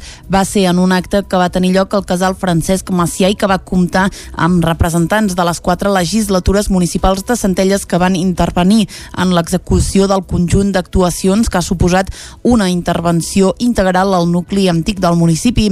La reforma l'any 2010 de la plaça Catalunya va obrir un projecte que culminava l'any passat amb la compra del Palau dels Comtes. Josep Paré és l'alcalde de Centelles. L'any 2020 doncs, podem dir que els van poder executar amb la seva integritat i això ha sigut possible perquè el projecte que es va presentar en el seu moment no ha perdut la, la vigència i vol dir que era un projecte adaptat en el municipi, adaptat en el desenvolupament del, del poble i que donava resposta a les principals necessitats. L'acte també va comptar amb la presència del conseller de Territori i Sostenibilitat Damià Calvet i Joaquim Nadal, que del 2003 al 2010 va ser conseller de Política Territorial i Obres Públiques. Tots dos van subratllar l'impuls social que sovint es deriva d'un pla de barris. El sentim a tots dos perquè allà on vius també, doncs d'alguna manera, et condiciona eh, la teva manera de poder eh, projectar-te en la societat eh, en la que convivim, més enllà de les oportunitats que et pot donar aquesta mateixa societat a través de els sistemes eh, de benestar social. Si alhora s'eliminen barreres arquitectòniques, si alhora es crea un centre de joventut, si alhora s'introdueixen noves tecnologies, si alhora es creen plans d'ocupació i alhora s'arregla la plaça de Catalunya o s'arregla l'entorn del teatre, durant aquests 10 anys, Centelles ha reformat diversos carrers, s'han fet espais verds, s'ha millorat l'accessibilitat i s'han replantejat aspectes d'eficiència energètica i ocupació.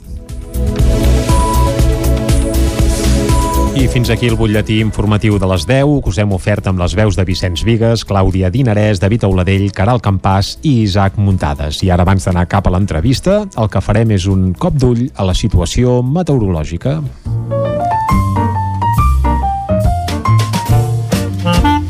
Casa Terradellos us ofereix el temps. I per parlar del temps, el que fem és parlar amb en Pep Acosta. Pep, bon dia. Hola, molt bon dia. Bon dia, bon dia. Meteorològicament parlant, és una setmana molt plàcida, eh? I avui continua aquesta tònica amb algun matís, amb algun matís. Perquè l'anticicló, que ens està dominant, eh, es va, com ho diria, es va, es va desfent, es va, mica en mica, es va fent-se més dèbil i això permet aquesta circulació de vents d'oest, que de fet no ha parat, eh, es mantingui i algun front es comenci a costar. Es comenci a costar. Per tant, aquest matí, tranquil·litat, però núvols. Núvols, sobretot, que afectaran eh, precisament de, de, de, de Catalunya a les nostres comarques. A les nostres comarques tindrem algun núvol, eh, al matí poca cosa i, com deia, les temperatures una mica més altes que les d'ahir. Les mínimes són molt suaus, molt suaus ara mateix, eh, ara, ara no, perdó, han sigut molt suaus a totes les nostres poblacions. Només, com deia, mica de fred a les zones més altes del Pirineu, lògicament deshabitades. Eh, no veu, no veu ningú mm -hmm. molt, molt amunt del Pirineu. De cara a la tarda, augmentaran els núvols. I a on? On més augmentaran és al Vallès Oriental, a tot el prelitoral, i també a l'extrem sud del Moianès i d'Osona. Al Pirineu no hi haurà tants núvols com aquestes zones i atenció, no es descarten allò quatre gotes, eh, no dic que plogui, eh? dic que no es descarten quatre gotes en aquestes zones del prelitoral central. Mm, eh, hi ha poca possibilitat, poder un 20 o un 30% de que plogui, però eh, poden caure quatre gotes. Si plouen seran totalment anecdòtiques, allò que es dius que mulles una mica al carrer, però bueno, és això, mullar una mica, treure una mica la pols, i poca cosa més. I com deia, les temperatures molt semblants a les d'ahir, molt suaus, les màximes entre els 22 i els 25 graus a la majoria de les nostres magnífiques poblacions. De moment, no, no hi ha molts canvis. De cada cap de setmana ja anirem parlant perquè s'està formant una perturbació i pot ser que torni a haver-hi un cap de setmana igual que els dos últims. Moltes gràcies i fins demà. Adeu. Vinga, Pep, moltes gràcies. N'estarem al cas de la proposta meteorològica del cap de setmana, però ja ens temem que serà passada per aigua, eh, Vicenç, com passa amb tots els últims caps de setmana. Doncs a veure què passa, però probablement que sigui així. Bé, ara el que farem és, re, un parèntesi i de seguida parlem del cas eh, d'un elefant, bé, em sembla que és una elefanta. Exacte. En vam parlar la setmana passada aquí a Territori 17 i en volem saber més coses. Eh, de seguida eh, en coneixem més detalls. Fins ara mateix. Casa Tarradellas us ha ofert aquest espai. Territori 17. Envia'ns les teves notes de veu per WhatsApp al 646 079 023. 646 079 023. WhatsApp Territori 17.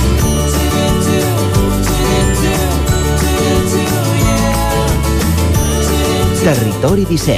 Som a Facebook, Twitter i Instagram amb l'usuari Territori 17.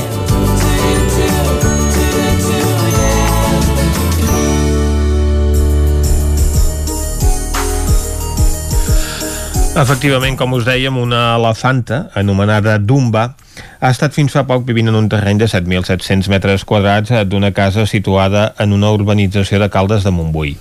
El paquiderm fa anys que ve i va d'aquesta població alternant estades en aquesta residència i viatjant pel món fent actuacions en diferents circs. Durant tot aquest temps, l'Ajuntament de Caldes ha fet de mediador perquè es pugui aconseguir que deixi de viure en aquest indret. També diferents entitats animalistes s'han mobilitzat en aquest sentit. Caral Campàs. Sí, l'elefanta havia tornat a la finca de la Font dels Enamorats precisament durant el confinament i segons fons de l'entitat animalista FADA hauria tornat durant els mesos de confinament i prèviament eh, havia estat actuant per diferents circs durant dos anys. Eh, tot i això, ara mateix, segons fons de la mateixa entitat, ja no, ja no estaria eh, a la casa i hauria tornat a marxar. Per parlar-ne tenim a l'altra banda de la línia telefònica Míriam Martínez, responsable de l'àrea d'animals salvatges d'aquesta entitat, eh, que és la Fundació per l'Assessorament i Acció en Defensa dels Animals. Bon dia, Míriam. Hola, bon dia. Uh, bé, o, on està ara? On és ara la Dumba? Bé, pel que sabem, ha marxat de, de l'espai on la mantenen normalment a Caldes de Montbui i creiem que l'ha tornat a portar a França, que és el mateix que va fer fa dos anys, després d'haver enviat una inspecció gran amb, amb experts internacionals. Però encara no tenim eh, la localitat exacta on, on ha anat. Perquè vosaltres hi feu un seguiment intensiu a aquest animal? Com, com heu sabut que, que ha marxat o com sabeu que torna a ser aquí? Sí, portem anys fent el seguiment perquè de fet tenim proves suficients per, per haver imposat aquesta denúncia per, per maltractament, especialment després de l'informe que van fer aquest ex, aquests experts on exposaven les greus carències que, bueno, que porta vivint durant tots aquests anys i a banda d'això perquè el nucli on la manté, aquest espai que comentàveu de 7.000 metres, que en realitat només té una, un trosset de 300 ballats per ella, la resta no, no té accés tot, tot el dia a la resta de, de l'espai, sinó només un trosset que té ballat amb, una, amb un pastor elèctric. I, i llavors eh, aquest terreny no és legal perquè no compleix amb les mesures de seguretat i de fet l'Ajuntament per això va posar en aquesta ocasió un requeriment dient que aquell animal no podia estar allà perquè el terreny mai podrà complir aquestes mesures perquè està qualificat com a terreny rústic i no es pot construir la valla necessària per evitar que un elefant mm, en un moment determinat pugui escapar i fer mal a algú. Eh, per tant, nosaltres sabem que tant el terreny és il·legal com que té problemes de benestar l'animal i anem seguint la seva situació fent mitjançant eh, transparència, o sigui, demanant documentació a l'administració i alhora gràcies a veïns i veïnes del mateix municipi que van allà de tant en tant per avisar-nos de si l'animal hi és o no hi és, com en aquesta ocasió, que ens han donat l'avís de, que, de que havíem estat. Perquè aquí eh, eh, estem davant de legalitats eh, diferents, tu dius que no, no es compleix la normativa urbanística per poder fer un tancat per a aquest animal, però en canvi sí que veiem en terrenys rústics doncs, com es poden fer tancats doncs, per animals d'engreix, no? Mm, sí. En aquesta, o sigui, serien, serien en aquest... legislacions diferents? Sí, aquesta és una qüestió per tenir un nucli zoològic on un, amb un animal que és potencialment perillós. Mm. Doncs amb, per un animal d'aquestes característiques, d'aquestes dimensions, el tancat, el tancat que s'hauria de fer eh, és molt gran i no hauria de... Bueno, i no passaria la normativa municipal Uh -huh. perquè això ho sabem de, amb, amb un informe que es va fer eh, a través dels tècnics municipals quan estaven valorant el cas i mirant si podien donar per bo o no aquest nucli zoològic que sorprenentment es va autoritzar fa molts anys sense tenir en compte aquesta qüestió. Eh, qu quan es va autoritzar? A quin, sabeu quin govern ho va autoritzar? Això fa temps? L'any 91 es va autoritzar. Eh, L'únic que la legislació eh, encara és la mateixa, aquest decret no, no s'ha actualitzat. I el problema és que, com ja es va autoritzar en aquell moment, encara que nosaltres hem demanat inspeccions i més inspeccions, i, i la Generalitat sempre ha posat excuses per no, per no actuar ni imposar cap, cap sanció, tot i que han obert eh, expedient per fer requeriments i en un parell d'ocasions han fet algun requeriment en quant a com havien de modificar aquell espai per, per garantir el benestar de l'animal. Ells no han entrat en els temes urbanístics perquè això li toca a, a l'Ajuntament i només ara, en aquesta ocasió, amb tota la pressió que han tingut al darrere, és quan han, han fet aquest requeriment que pensem que és el que ha fet que surti corrents la propietària amb l'animal perquè en lloc d'immobilitzar l'animal i esperar que es resolgués la denúncia per maltractament o, o de comissar directament l'animal, eh, el que han fet ha sigut exigir a la propietària que se l'emportés d'allà perquè no complia les mesures. I això és el que han fet anava a dir, segons el vostre criteri, uh, on hauria d'estar aquest ani un animal com aquest? Perquè mm, entenc que si ara se'l canvia de lloc o se'l decomissa, el fet d'haver estat tota la vida vivint en un espai així, no sé si l'afectaria. Com ho veieu vosaltres com a entitat en aquest sentit? Quins serien els passos a seguir? Jo dic, bueno, en primer lloc, els elefants asiàtics haurien d'estar al seu hàbitat natural i mai uh -huh. s'hauria d'haver capturat ningú. Uh, això per començar. I després, quan un animal ja petit tota aquesta captura, explotació durant, durant tants anys, l'ideal seria portar-lo a un centre on es poguessin fer càrrec, en primer lloc, de manera correcta del seu manteniment, perquè porta molts anys patint mm, bueno, una, unes carències molt grans, que segons l'informe hem pogut veure, sobretot en quant a l'alimentació, i per exemple no tenia accés a l'aigua de manera continuada, i mm, llavors simplement amb estar en un lloc on li puguin donar aquesta cobertura per les seves necessitats bàsiques ja seria un, un, molt, molt, molt bon pas per ella, però a més el que nosaltres defensem és que aquests animals han d'anar a un santuari, a un espai on, a més de poder-la de poder mantindre en bones condicions, no se l'exploti ni se l'utilitzi amb fins eh, de lucre, com és el que fan a, a altres espais o altres centres, eh, com per exemple circs. Uh mhm. Perquè, eh, clar, vostè evidentment mm, jo no sé si, si han trobat o trobarien un espai eh, doncs per poder eh, tenir aquest animal, tenint en compte que segurament si parlem d'un zoològic tampoc hi estarien doncs, a, a favor i evidentment en un zoològic un elefant no disposarà de 7.700 metres quadrats per, per acampar com és el cas aquí Caldes, no?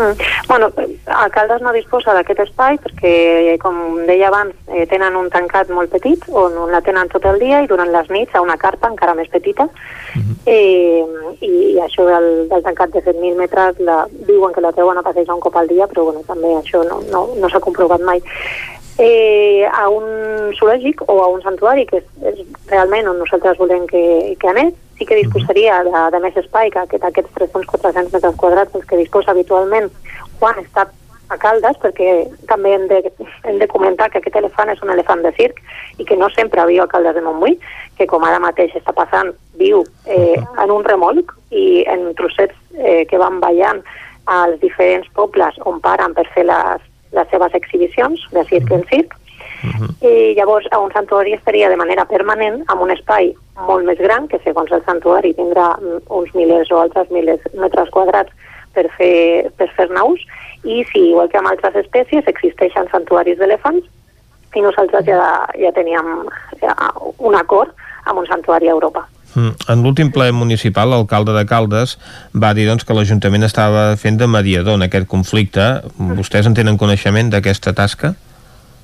Nosaltres ens vam reunir amb l'Ajuntament de Caldes a l'estiu, en quan ens vam enterar que l'elefant havia tornat, i ells mateixos es van oferir a fer aquest, aquest procés de mediació. Nosaltres vam estar d'acord, però després d'enviar moltíssims correus electrònics i trucades a l'Ajuntament per veure mm, com anava aquest procés de mediació, perquè volíem eh, portar-lo a terme abans que l'elefant marxés, eh, encara no se'ns ha contestat. De cap, a cap dels correus ni a cap de les trucades se'ns ha contestat ni ens se'ns ha informat d'aquest procés de mediació. Per tant, pensem que ens vam, bueno, que ens van mentir en aquesta reunió perquè l'únic que volien era treure's de sobre el problema eh, i ara ja el tenen a fora, perquè ja no tenen un elefant al seu poble. L'interès en quant a millorar la vida de, de l'elefant, en concret, creiem que no hi és.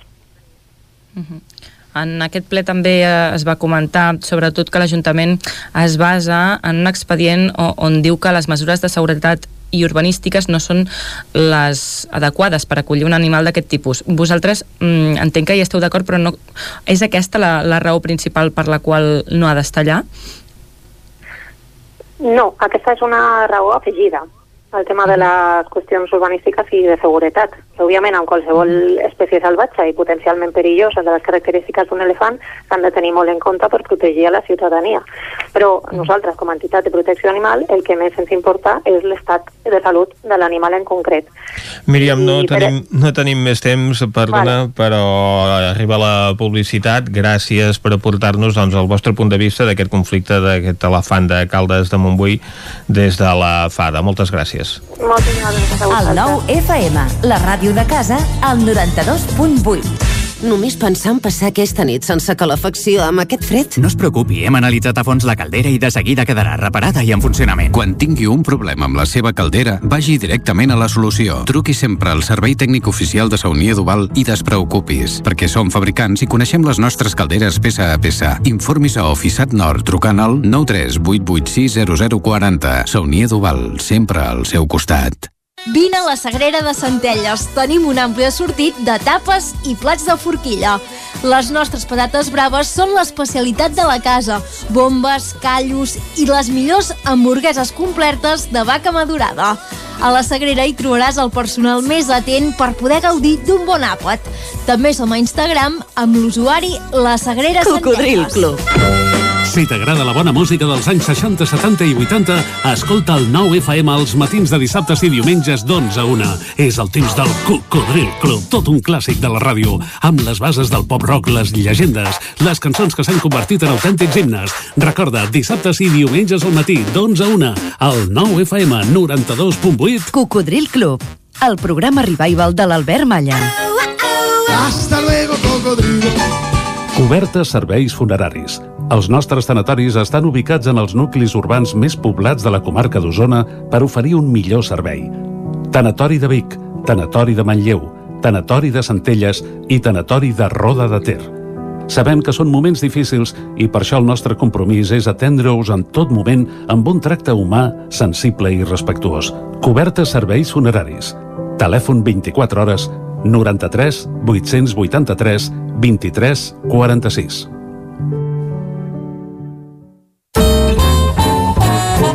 Tens por de l'ordinador? Vine al Magí. Amb les nostres píndoles digitals aprendràs la diferència entre internet i el núvol, com utilitzar el mòbil i les apps, i si ets professor dominaràs el Classroom.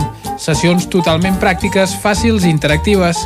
Som a Vic, telèfon 693 75 05 07 o també ens pots visitar al magí.cat.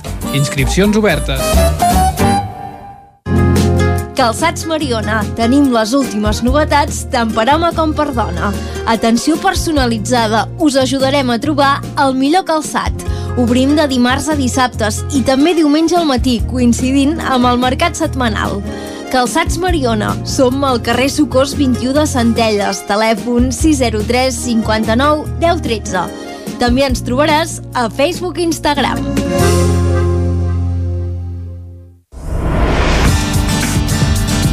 El nou FM.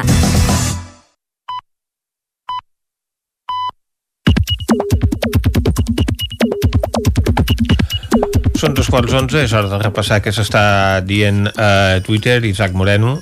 Bon dia. Comencem una pilada d'en Carles Furriols, que comparteix el vídeo del dia que detenien la Tamara Carrasco i deia la Guàrdia Civil li demana a la Tamara si vol un passamuntanyes per sortir de casa el dia de la seva detenció i ella respon que no s'ha d'amagar de res i que sortirà amb el cap ben alt. Gràcies per haver estat tan valenta. Un altre Carles, en aquest cas en Benús, alcalde de Tavernoles, diu Trump, 74 anys, Biden, 76 anys. Al final, els Estats Units acabaran votant en funció de quin vicepresident pot ser millor si s'hagués de substituir si hagués de, si s'hagués de substituir el president. La usuària Rastapalo Atòmica, des de Vic, fa un rànquing de... Bueno, un rànquing que explica eh, quina posició té cada canal de televisió, però clar, diu fins al 8. 1 TV1, 2 TV2, 3 TV3, 4 el 33K3, 3, 5 Telecinco, 6 Antena 3, 7, 4, 8 la sexta. I en David Galindo li respon, i el 9 TV on el posem? El 9? I la Rastapalo que respon, evidentment, no, és que no podia ser d'altra manera, té tota la lògica del món. Recordem-ho, eh, per cert, que, que els canals locals eh, eh, el múltiplex d'Osona Uh, s'ha pagat el canal 50 que és per una matina fins ara, emeten pel 25 durant temps han estat emetent simultàniament però encara hi ha qui no ha pogut fer el canvi de, de, de, de canal doncs s'ha de resintonitzar la televisió en alguns casos i en d'altres, sobretot on hi ha antena comunitària avisar l'antenista per, per poder continuar veient el nou TV No deixa de ser curiós que el Ministeri d'Indústria sempre que ha de canviar freqüències per alliberar espai radioelèctric, doncs eh, els que acaben rebent són les televisions autonòmiques o locals. I en aquest cas les locals només Uh, Anna Pons fixa un titular al 304 que diu discoteques i sales de concerts podran obrir el 50% de l'aforament però no es podrà ballar la pista que haurà d'estar ocupada amb taules i cadires i la Pont que diu tots sabem com funcionarà el tema dit pels mateixos adolescents un cop a dins tothom es passa les mesures pel folre dels collons endavant Teresa Rossell. Edgar Allan Poe va morir el- un 7 d'octubre de 1849. Van tardar just 80 anys a retuitar el Big Ben. Eureka prose poem. Albert Nils diu Quina companyia que m'arriba a fer aquest poema i que em serveix per engegar la quinzena temporada de la tinta xinesa. Doncs en Víctor Sunyol diu que acull-nos en tu, ara, ara que ens ets aquest buit nostre. I l'al·ludit, en Sunyol, que respon fer companyia ser una de les coses més altes a què pot aspirar un poema. Gràcies per deixar-te-li'n fer. Deixar-te-li'n. No sé si està bé, però aquí m'agrada, diu el Sunyol. Home, doncs... De, I ho escriu així, eh? Deixar-te, ai, deixar, guiota, guió, L-I, apòstrof N, deixar-te-li'n. Jordi Remolins es fixa en una fotografia que hi ha penjada a la plaça 1 d'octubre de Ripoll. Diu, no sé si la plaça 1 d'octubre de Ripoll seria el millor lloc per exhibir una imatge de la col·lecció Foto Espanya. No sé, no sé. I també es fixa en, titulars, en aquest cas del Regió 7, eh, des de Per què no ens fotin el tren, diu l'ACA insta a aturar l'abocament al torrent d'Alp sota la vista de sancions. Adif sosté que no contamina i que ha instal·lat dels sistemes de control ambiental des de l'inici. Estem parlant de les obres del túnel de Toses. I des el de túnel és a Toses. Clar, per l'altra banda surt per... Per Alp. I el, perquè ens fotin el tren diuen les obres del túnel de Toses i la interrupció del servei al nord de la línia R3 ens preocupen molt l'abocament de ciment al torrent de les Plateses a Alp per part de DIF és la gota que ha fet que fa passar el got de ciment ja, ja. sí, ciment directament al riu Al riu. Déu-n'hi-do. així no, en fi, és igual No era aigua, eh? Era alguna cosa més.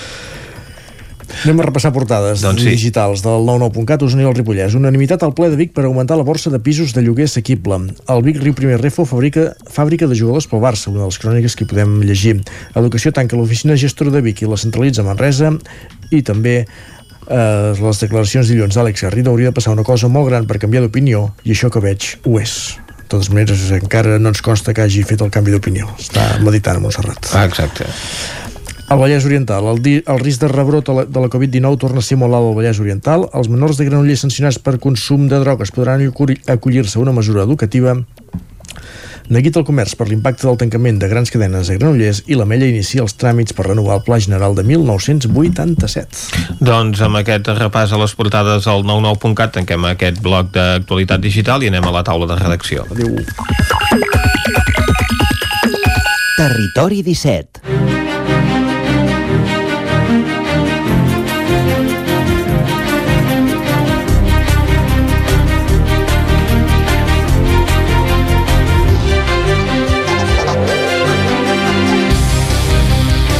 Una taula de redacció que avui comença parlant de l'eix transversal amb en Guillem Freixa perquè ara eh, s'ha complert el 25è aniversari de l'obertura d'aquesta via en el seu primer tram entre Vic i Girona, que inicialment era una via d'un sol carril per banda. Guillem. Efectivament, la data, 27 de setembre de 1995, el moment en què es va obrir aquesta connexió directa entre Vic i Girona, entre Osona i les comarques gironines, Uh, també uh, ampliant-se la connexió amb la Costa Brava a través uh -huh. d'altres uh, carreteres, com dèiem això, eh, 25 anys de l'estrena d'aquest tram de la C25, com bé deies, inicialment amb, amb, amb un carril, en alguns trams sí que estava desdoblat, en els trams de pujada, però inicialment uh -huh. amb un uh, carril va ser a partir del 2013 quan es va desdoblar, hem anat a fer una mica de recerca de què ha suposat aquesta uh -huh aquesta carretera, aquesta connexió, una connexió del tot consolidada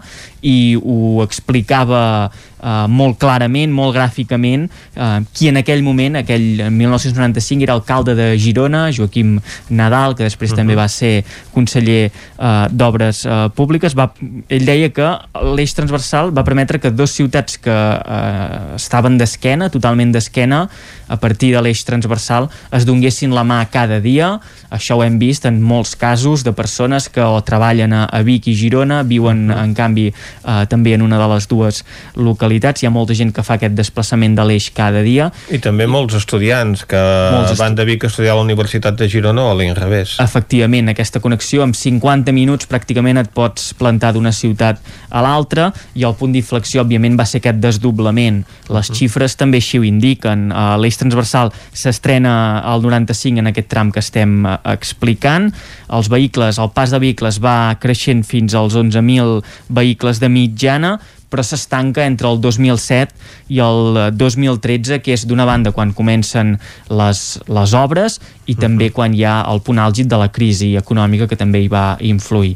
El 2013 eh, es torna a reobrir la carretera amb, ja amb total, totalment desdoblada en format autovia, via ràpida. I amb l'eix acabat, evidentment. Exacte, tota la, el seu tram. La carretera del uh -huh. tot acabada i aquí eh, es tornen a disparar els vehicles que fan aquest recorregut, la unió entre les dues ciutats i el 2019 s'ha arribat a la xifra rècord de 17.720 vehicles van fer una cerca de persones això, eh, que tinguessin vinculació en una de les dues ciutats uh -huh. i ens van sortir molts casos, el que deies, des d'estudiants, des de persones que treballen en un lloc a, a un altre, eh, professors universitaris, fins i tot també en el món de l'esport veiem molts esportistes que potser abans tenien més tirada cap a la banda de l'àrea metropolitana de Barcelona, uh -huh. doncs ara eh, dirigeixen el, els, la seva carrera cap a clubs de la demarcació gironina, de Girona Ciutat, de la Costa Brava fins i tot, i a nivell social i econòmic també ha tingut eh, diguem resultats aquesta connexió des de la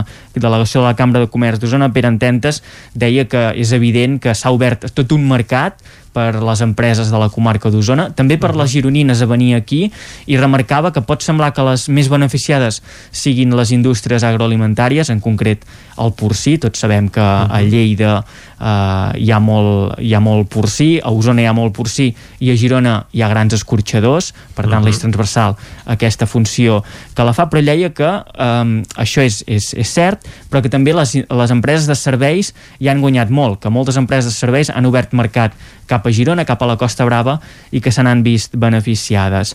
I en la part social, un dels pobles que està a tocar de l'eix transversal, com és Espinelves, el seu alcalde, Joan Manel Claveria, ens deia que eh, sobretot el desdoblament sí que, sí que hi han notat. Han notat que la gent va a viure a Espinelves, que s'interessen per al poble i ho deia amb una, amb una dada, amb una xifra, i és que feia molts anys que no superaven els 200 habitants i en aquests últims anys han pogut superar-los i la demanda per trobar pisos de lloguer, per trobar cases per anar-hi a viure, uh -huh. doncs és, és força intensa. I ja per acabar, un projecte de futur. Eh, la connexió per carretera funciona, és evident que s'han enllaçat aquests dos eh, territoris, però queda uh -huh. pendent l'eix tra transversal, transversal no? ferroviari, un projecte que va començar a moure el tripartit però va quedar uh -huh. amb un calaix uh, diverses personalitats polítiques que hem parlat diuen que, que s'hauria de, de moure, que seria molt interessant, però òbviament la inversió seria molt gran, també l'impacte ambiental seria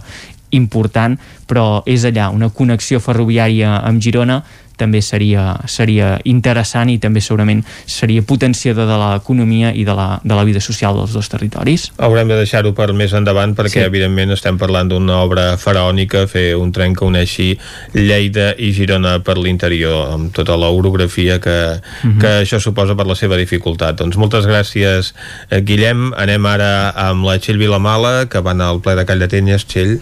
Sí, bon Com dia. De fet, és interessant això que comentava en Guillem d'Espinelves, perquè uh -huh Call d'Atenes dilluns, quan hi va haver el ple, també hi va haver molt debat sobre com ha de créixer el poble i de quina manera. Això venia condicionat per una moció que va presentar l'oposició, que és uh, Call d'Atenes present i futur Esquerra AM, en què demanava que no es permeti uh, urbanitzar nous sectors uh, de Call d'Atenes fins que no s'hagi aprovat el pla d'ordenació urbanística municipal. Per situar-nos, uh, Call d'Atenes ara mateix es regeix per unes normes subsidiàries que són de l'any 1986, però que s'han anat actualitzant uh, diverses vegades. Uh, L'any 2018 el ple, el juliol, va aprovar un abans de POUM, que és uh -huh. el pas previ a posar-se a redactar un planejament d'ordenació urbanística i ara uh, està a punt de treure la redacció d'aquest POUM a licitació. Clar. Això vol dir que encara queda un temps. Queda molt temps. No ens atreviríem a dir quants mesos ni si seran anys, però normalment eh, redactar un POM dos o tres anys si està. Aquí Vic van uh mhm. -huh. anar molt de pressa, però Manlleu portava el mateix ritme i tot just eh, van fer l'aprovació inicial, encara ens queda la provisional i llavors la definitiva. Uh mhm. -huh. Per tant, eh, el que demanava Call d'Atenes present i futur, que diem que està a l'oposició, són dos regidors, eh, és que no es pugui iniciar cap nou sector urbanístic a Call d'Atenes fins que hi hagi aquest POM aprovat. Això eh, va generar debat. Uh, L'equip de govern, de fet, uh, va dir que hi estava d'acord. L'equip de govern l'integren Junts per Catalunya amb set regidors uh, i Poble en Marxa amunt, que en té dos.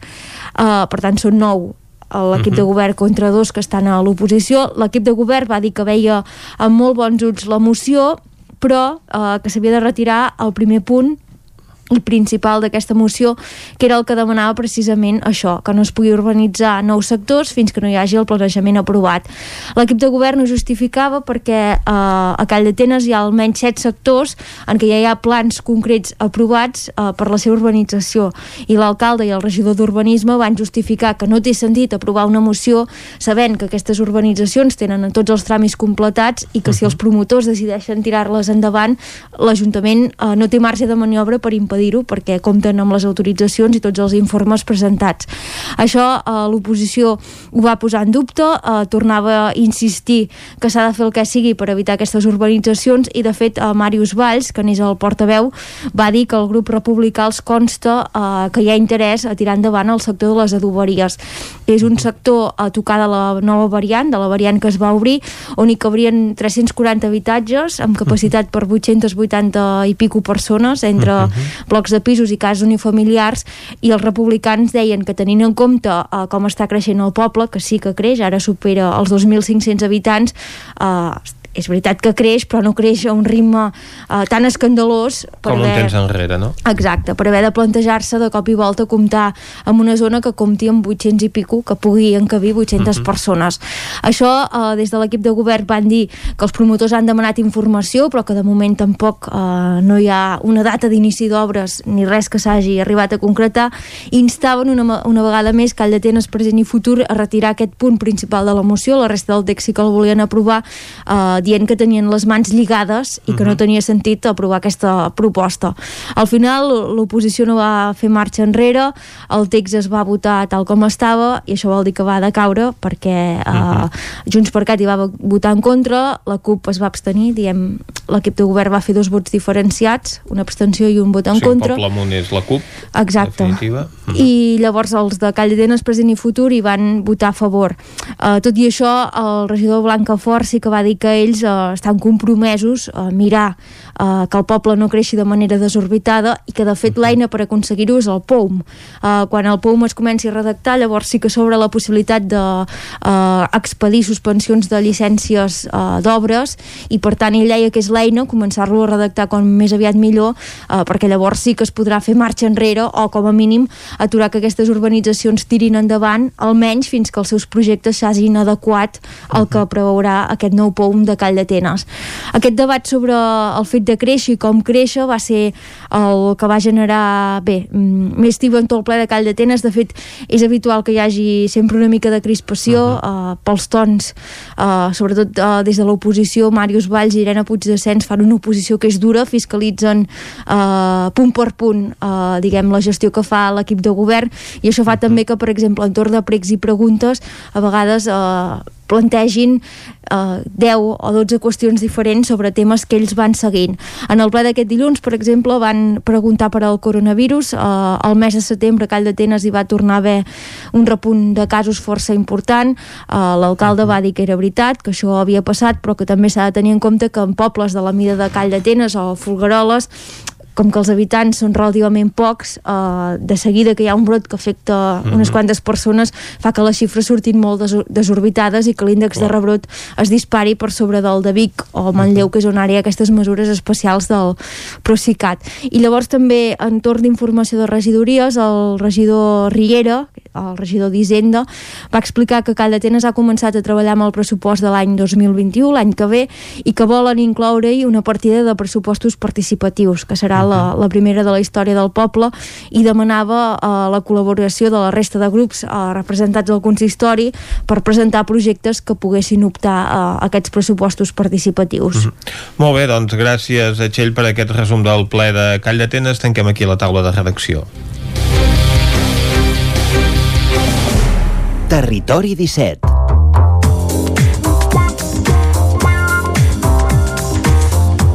Doncs Vicenç, tanquem la taula de redacció i anem a parlar de literatura, perquè entrem de cap a la secció de lletra ferits, oi? Avui eh, parlem de lletra ferits a la veu de Sant Joan, on l'Isaac Muntades té una convidada. Oi que sí, Isaac? Bon dia, Vicenç. Sí, avui tenim al telèfon una escriptora i professora que és de Salrà, però que fa molts mm -hmm. anys que viu a Ventalló, a l'Empordà, Uh, ella és la Núria Esponellà i és autora de poemaris i novel·les i ha publicat també diversos llibres a l'editorial Columna, entre els quals cal destacar Gran Cafè, el mateix Vell Amor, amb què va guanyar el Premi de Novel·la Ciutat de Badalona de l'any 2000, La Travessia, amb el qual també va imposar-se en la quarta edició del Premi Columna, el llibre de narracions eh, Petits grans plaers per ser feliç, eh, Sonita, eh, el llibre Una dona d'aigua, també cal dir que Enrere els murs va obtenir el Premi Néstor Luján de novel·la històrica l'any 2009 i amb ànima de tramuntana doncs, el Premi Prudència Bertana 2020.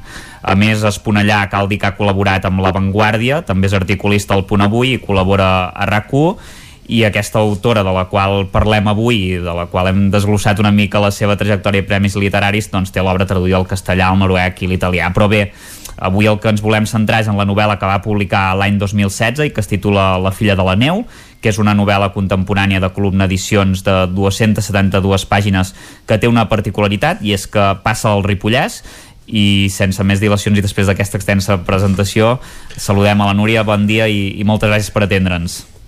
Bon dia, moltes gràcies a vosaltres. Encantada d'estar aquí. La, que no calia... És... De fet, el gran Google hi és tot, eh? Però vaja, t'ho agraeixo. No cal. N'hem no cal. fet una extensa jo presentació. Directe, eh? Sou el directe, perquè considero que l'escriptura és un camí de creixement personal i ja mm -hmm. està, i cada lector troba el que ha de trobar a les, a les obres.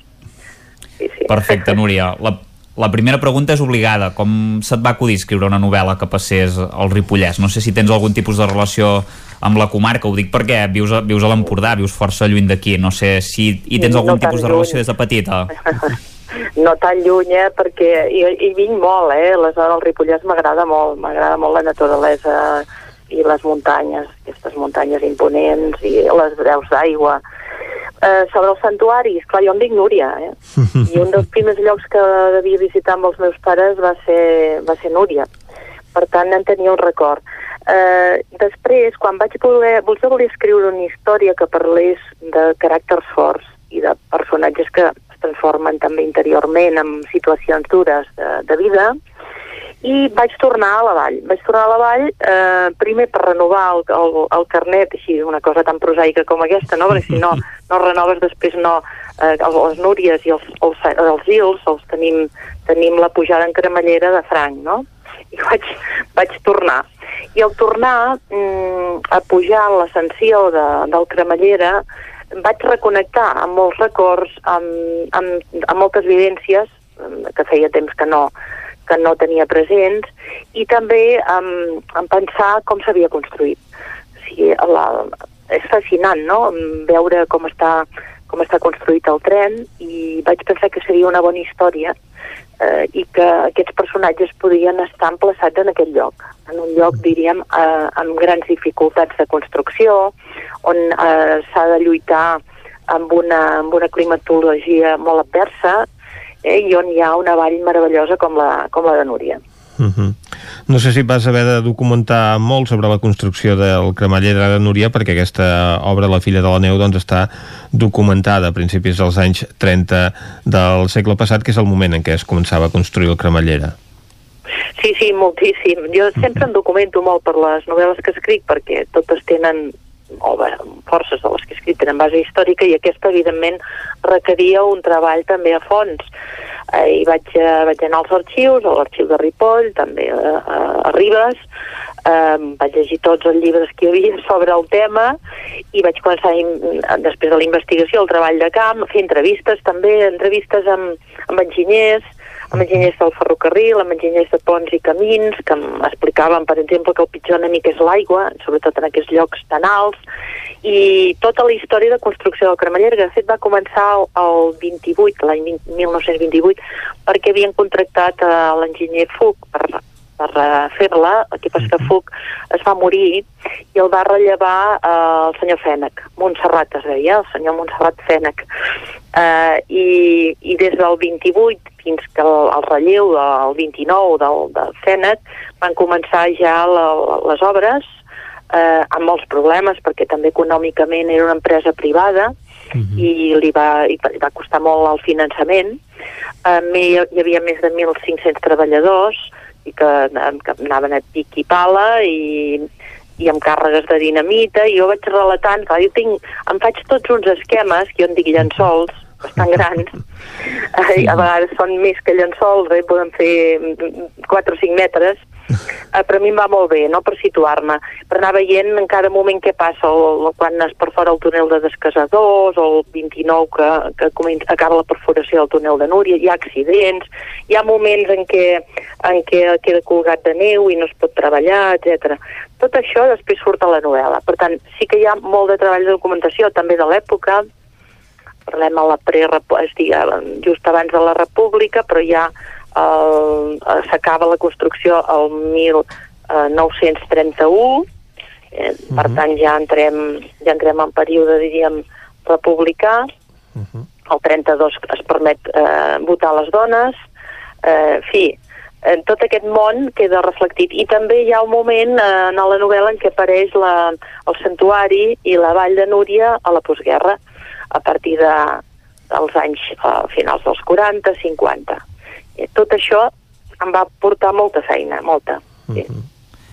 Ara entrem una mica en la novel·la, Núria. Pa Parla'ns dels protagonistes de la història, de, de l'Enric i la Joana, uh -huh. qui són, com, com es coneixen, perquè, evidentment, doncs, uh, La filla de la neu és una història d'amor, però és molt més que això, oi?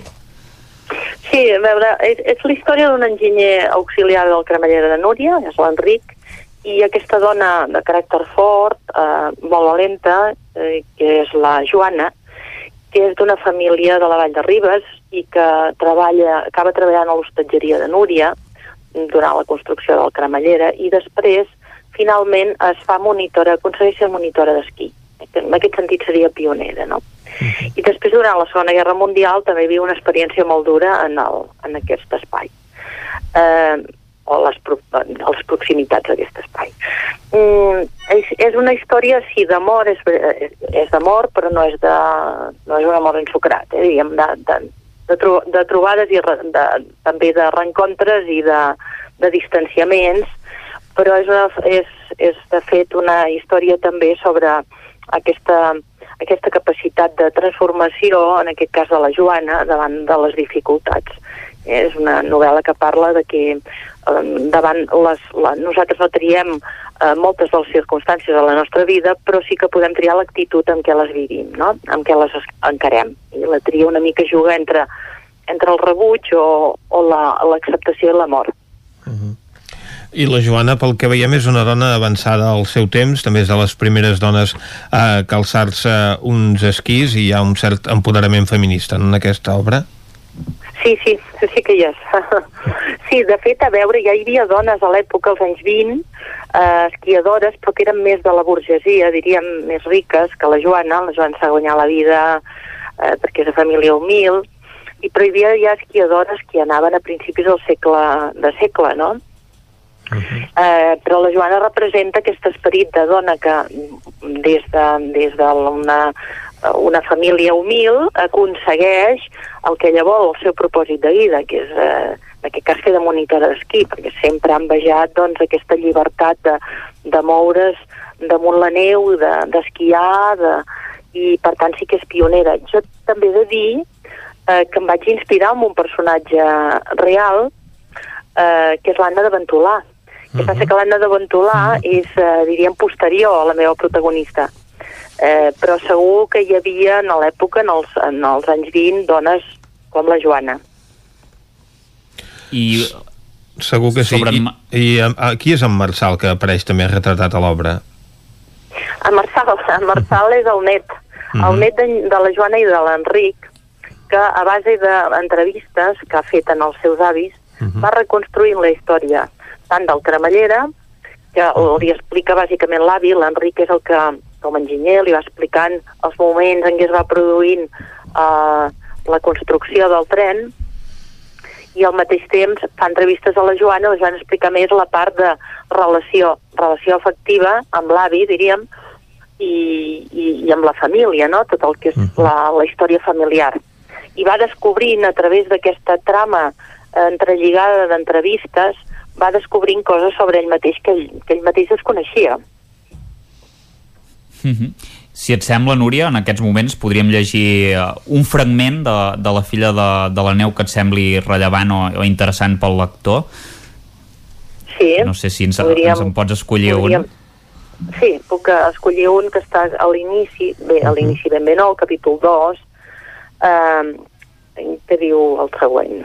Acabava de repenjar el, el cap a la mà i em vaig fixar en la quantitat d'arrugues que li solcaven al coll, com les anelles d'un tronc d'arbre vell, d'aquelles que la gent s'entreté a comptar quan fa llenya. Podia ser un roure o una alzina gairebé centenària. Vaig començar a resseguir-li mentalment per comprovar si aquella llei natural era aplicable al cas vista la similitud, però no me'n vaig sortir perquè la Joana s'anava movent amb l'aire de qui pensa. Ja et veig, sé per on vas, però no te'n sortiràs amb la teva no et dono permís. Per què vas anar a treballar al santuari? vaig preguntar. A la meva època, si no eres de família rica, et tocava bancar. Hauria pogut entrar a treballar a Can Recolons a les filatures de cotó, com moltes noies de la meva edat, o al balneari Montagut, on estiuejaven els senyors de Barcelona, que eren gent amb molts diners. Però el meu pare coneixia l'administrador del santuari de Núria i als 19 anys se'n va obrir una altra porta. T'agradava viure allà dalt? No em va venir de nou, ja estava acostumada a passar fred i entomar la pluja treballava de cambrer a l'hostatgeria. Servíem una trentena de directius del tren que estaven a dispesa. No et pensis que hi hagués gaire calma a la vall. Estaven construint l'edifici de Sant Josep al costat del santuari i una estació provisional. Teníem un bon enrenou. Jo m'aixecava les quarts de set del matí perquè a primera hora servíem esmorzars als directius i al cap de poc ja senties esclatar aquella fresa infernal de les màquines que foradaven el túnel. Se't ficava al cap, però, i acabaves posant pell morta. L'explicació de la Joana coincidia amb la de l'Enric quan es referia al martelleig xordador de les excavadores. Però aquest factor tan molest no era res comparat amb la duresa que suposa viure en un món tan fred i aïllat. No tothom pot resistir la pressió de gairebé 2.000 metres d'altitud, gaires dies seguits sota el pes de la neu i l'aire gèlid, tret que siguis un xerpa, una verge romànica autèntica o una noia insultantment jove com era ella llavors. Aquesta novel·la, Núria, la vas escriure en un moment complicat de la teva vida. No sé si això et va ajudar d'alguna manera a escriure l'obra o va ser una dificultat afegida. No, no, em va ajudar a escriure. Mm. Millor dit, aquesta obra em va, em, em va servir una mica de catarsi de la situació que estava vivint, que eren malalties familiars greus i mm -hmm. que em van produir un insomni important. I, de fet, és una novel·la que està escrita eh, en bona part a les nits. Quan no podia dormir, doncs escrivia. I em va servir per tot això, eh? com a teràpia i com a, i com a revulsiu i, i es va gestar així és, uh, són coses de la vida no? no, de vegades no ho pots evitar i, uh -huh. i vaig aprofitar moltes nits per, per escriure sí. Uh -huh. Doncs, eh, Núria Esponellà, moltes gràcies per acompanyar-nos avui en aquest espai de tertúlia literària. Gràcies també per aquesta obra, La filla de la neu, ambientada al Ripollès, i bé, continuarem creixent llegint les teves novel·les. Moltes gràcies per acompanyar-nos. Moltes gràcies a vosaltres. Una abraçada a tots els oients. Gràcies també a Isaac Muntades des de la veu de Sant Joan.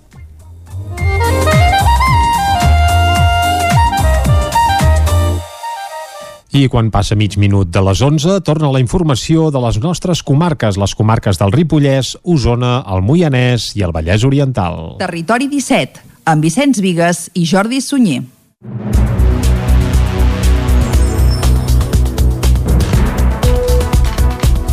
Salut activa una eina digital per identificar i seguir contactes de Covid-19 amb l'enviament de missatges al telèfon mòbil. El Departament de Salut ha posat en marxa aquest dimarts contactecovid.cat, una eina digital complementària per fer la identificació i seguiment de contactes de Covid-19 amb l'ús de missatges SMS. L'eina funciona a partir de l'enviament d'un missatge al mòbil i permet comunicar proactivament els casos sospitosos positius i estrets, ja que aquests rebran també un missatge quan així se'ls consideri.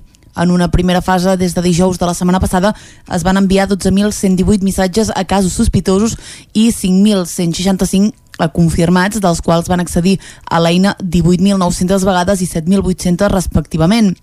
L'usuari també rep informació de com gestionar la baixa laboral o la necessitat de fer un bon aïllament o quarantena. La directora de l'àrea de Ciutadania, Innovació i Usuari del Servei Català de la Salut, Rosa Romà, recalcava que l'aplicació té com a objectiu millorar la capacitat d'informar i implicar les persones amb sospita de Covid-19 i positives de les mesures d'aïllament i de la declaració de contactes pel rastreig epidemiològic per avisar el més aviat possible els contactes estrets.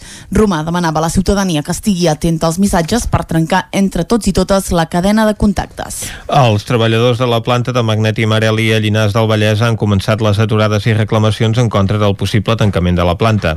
David Oladell, de Ràdio Televisió, Cardedeu. Els 443 empleats han començat un seguit de mobilitzacions i aturades de la producció de dues hores per cada torn de manera indefinida amb la finalitat d'evitar el trasllat de maquinària i de projectes productius a la planta que la multinacional italiana dedicada al sector auxiliar de l'automòbil disposa al Marroc. La direcció de Marelli Espanya va comunicar el passat 3 de setembre al comitè d'empresa que s'emporten a la fàbrica del grup a Tanger un nou producte que hauria de començar a produir-se en guany i sis màquines d'injecció més una altra de metal·litzat. Davant d'aquesta situació es va obrir un procés d'assembleari per explicar als treballadors la gravetat de la situació, considerant aquesta fugida de màquines i producte com una deslocalització en tota regla. Per aquest motiu s'han convocat les aturades intermitents, per fer entrar en raó l'empresa i evitar la deslocalització i assegurar la viabilitat i futur de la planta, així com els llocs de treball de tots els empleats de la planta. Amb l'anunci de la convocatòria de vaga, l'empresa va demanar obrir un calendari de reunions i suspendre temporalment la vaga per tractar d'arribar a un acord al que no s'ha arribat en dues setmanes. Damunt la taula hi continua havent el trasllat del nou i vanguardista producte que s'havia de fabricar a Llinars del Vallès, així com de la major part de la maquinària anunciada. També s'ha plantejat el desmantellament del Departament d'I+D, així com un excedent del personal molt significatiu, fets que el comitè considera més greus que el només el trasllat. L'Ajuntament de Vic ha obert una nova convocatòria d'ajuts per rehabilitar pisos desocupats i destinar-los al lloguer social. Així es va aprovar per unanimitat al ple d'aquest dilluns. De nou en format telemàtic, el ple de Vic donava la benvinguda a Susana Vives i Roger Comeres, que aquest dilluns prenien possessió virtualment com a regidors de Capgirem Vic en substitució de Sara Blázquez i Joan Coma.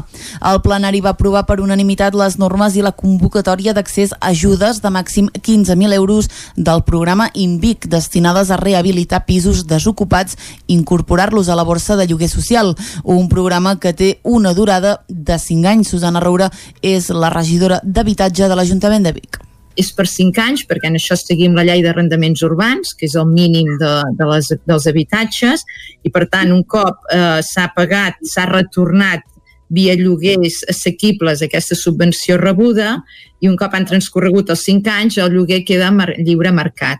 L'any 2018 el programa InVic va comptar amb dos immobles, l'any passat amb un. És una informació que donava Comeres responent a una pregunta que Vicky Terri Cabres d'Esquerra va formular a Susana Roura. El nou regidor de Capgirem Vic va aprofitar la seva intervenció per denunciar la poca acollida del programa. A la primera convocatòria s'hi van atendre dos pisos i a la segona un. I recordem que a la ciutat de Vic hi ha prop de 2.250 pisos buits i el que cal és més pisos a lloguer. Sí, amb això hi estem d'acord, però amb lloguers assequibles. I una de les millors maneres per potenciar-ho és que l'administració, en aquest cas és l'Ajuntament de Vic, vagi ampliant el seu parc d'habitatges de lloguer, ja sigui en fórmules com el tempteig i retracte o a través dels més de 250 pisos buits que encara tenen els bancs i grans tenidors a la ciutat. Amb els vots en contra d'Esquerra i Capgirem Vic i l'abstenció del PSC, l'equip de govern va desestimar les al·legacions presentades per sis associacions sota el paraigua del col·lectiu Remei Reviu i va aprovar definitivament l'expropiació de la plaça de la Noguera. L'antic hotel Les Serrasses de Torelló no es convertirà en una residència per discapacitats intel·lectuals. L'Ajuntament Torellonenc i Sant Tomàs han descartat el projecte en aquest emplaçament. L'Ajuntament de Torelló no comprarà finalment les Serrasses per fer-hi la residència per discapacitats intel·lectuals que s'hi havia projectat projectat el mandat anterior compartit amb l'associació Sant Tomàs. L'alcalde Marcel Ortuño insistia al ple d'aquest dilluns que el projecte d'un equipament assistencial es manté que tindria una naturalesa híbrida per atendre gent gran amb diferents graus d'autonomia i també persones amb discapacitat.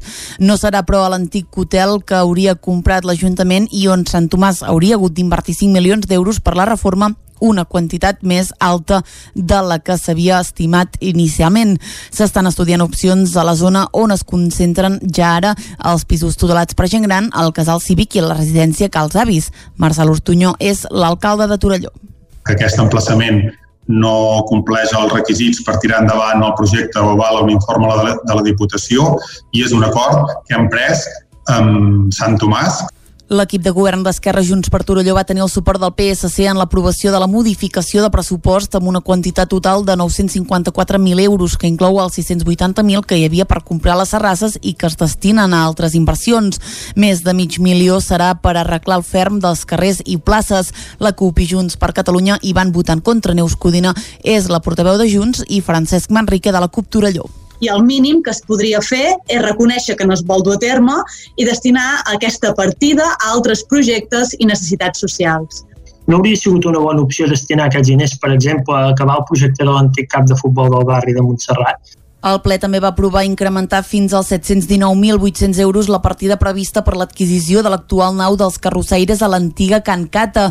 Des del govern aclarien que hi ha els diners previstos però que caldrà debatre amb tots els agents implicats si es compra la nau actual o se'n fa una de nova. Junts per Catalunya es va abstenir i la CUP hi va votar en contra. Caldes Solidària presenta dos projectes a la 21a taula de cooperació impulsada des de l'Ajuntament de Caldes. Un de continuista al Senegal Senegal i una nova iniciativa al Nepal. Caral Campàs, des d'Ona Codinenca.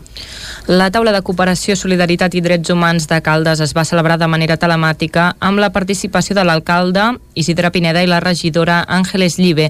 La sessió va començar amb el reconeixement de l'especial importància de la cooperació en moments de crisi sanitària, social i econòmica. A més, la taula d'aquest dimarts va servir també per presentar els projectes de Caldes Solidària que opten a la convocatòria d'enguany. En aquest cas, l'entitat va proposar proposar dues iniciatives, una de continuista al Senegal, on resideix el cooperant calderí Josep Partigues, i una altra de nova al Nepal, que va presentar la seva ideòloga Mònica Sanz. D'una banda, pel que fa al projecte senegalès, Artigas, que també va assistir a la reunió telemàtica, va explicar que malgrat la construcció del Centre Catalunya continua en marxa tot i la pandèmia, encara queda pendent omplir-lo amb la, els joves que s'han anat que s'han de, que de beneficiar. Perdó.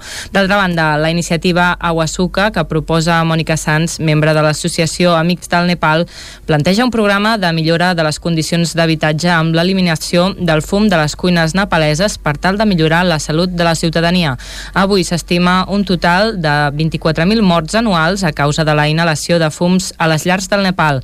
A més dels membres de Calda Solidària, la taula va comptar també amb la presència del cooperant calderí El Salvador, Joan Serra, que no ha presentat cap projecte en l'edició d'enguany.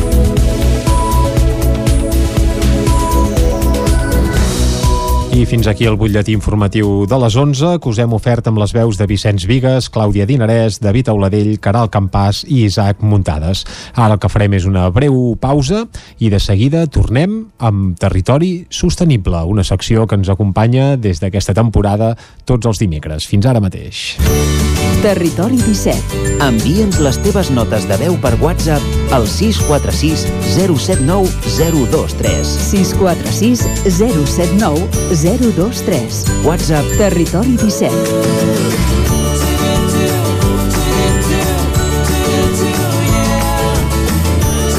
Territori 17. Som a Facebook, Twitter i Instagram amb l'usuari Territori 17.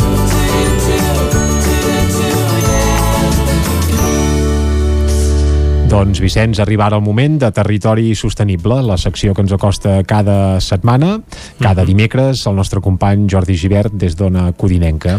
Anem a veure què ens proposa avui, doncs. Avui em sembla que la cosa va d'oli, però ens ho explicarà ell mateix. Anem cap a Territori Sostenible.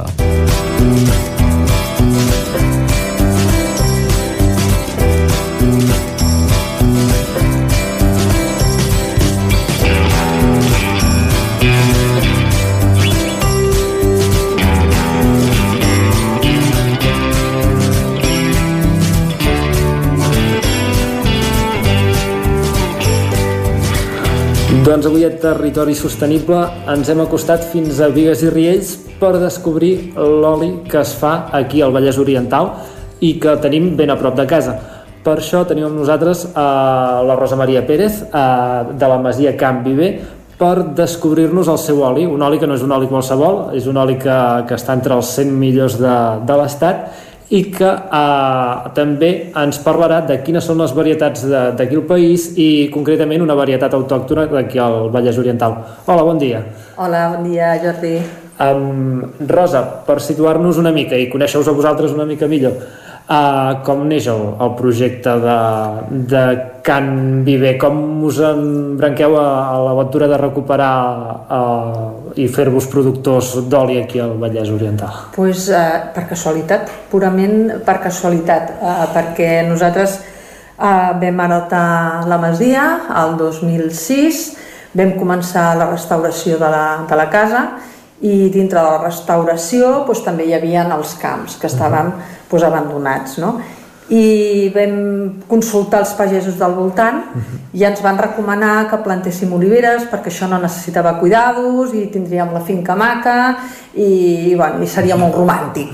I així ho vam decidir, no? vam dir, bueno, doncs plantem oliveres. O sigui que la vostra idea no, no era dedicar-vos a produir oli, sinó que era de, per tenir cuidada els entorns de la casa i les terres de- d'aquí al voltant. No, Correcte. no veníeu amb una idea prefixada. Cap, bueno, és que en cap moment m'hagués imaginat jo estar fent, bueno, estar produint oli. Vull dir, això ha sigut una casualitat molt gran. Uh, tot i així sabíeu si, si aquí s'havia produït uh, oli antigament o, o si hi ha alguna tradició que, que vingués de, Aviam, aquí a la Masia tenim el que són les antigues tines on s'emmagatzemava l'oli que es produïa aquí. El que passa és que era un oli per consum, no era un oli per vendre. Així és com vi sí que suposo que es venia perquè es feia molta quantitat, a, a l'oli era per consumir. I a més les tines que en tenim són petites, vull dir que, però sí que es feia. O sigui, hi havia tant. una tradició. Sí, sí, i tant, i tant. Sí, sí. Uh, llavors, clar, com passeu de, de tenir uh, de plantar quatre oliveres, diguem-ne, a, a, a dedicar-vos a, a l'oli, a, pues, a bueno, oli. clar, eh, la- l'olivera és un arbre i més l'arbequina que creix molt ràpid i eh, des del moment que les vam plantar, que eren de 40 centímetres, eh, al cap de dos anys ja es van fer de metro i ja van començar a tindre olivetes, no? Al cap de dos anys de fer la primera plantació ja vam tindre la, la nostra primera producció i, i clar, jo més contenta, ja t'ho pots imaginar, oli per mi, a més a més natural i fet de casa, no? Però clar, al cap de dos anys eh, tens tres vegades més d'oli i dius, bueno, i ara què faig? Perquè clar, no en tinc per mi i em sobra, no? I llavors, doncs, bueno, la, la, els amics, la família, els hi ofereixes, no? els hi expliques que d'alguna manera et poden ajudar una mica amb la restauració. Uh -huh.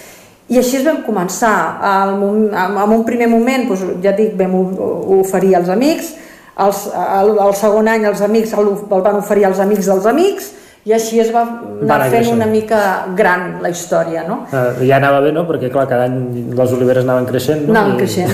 El que passa és que, clar, també va coincidir que jo em vaig quedar sense feina i t'has de replantejar una mica la vida i vam dir, bueno, doncs escolta, si hem de fer oli, doncs anem a formar-nos i anem a fer el millor oli. Clar, perquè va, vosaltres, anem, vosaltres no teníeu coneixements de, de com fer oli, no? Ni, ni oli ni gairebé res, vull dir, sí que el Josep sabia alguna cosa de, de pagès perquè els caps de setmana venia amb els seus pares, amb els pares aquí i, i plantaven quatre cosetes, però res més, uh -huh. no, no en teníem ni idea. Eh?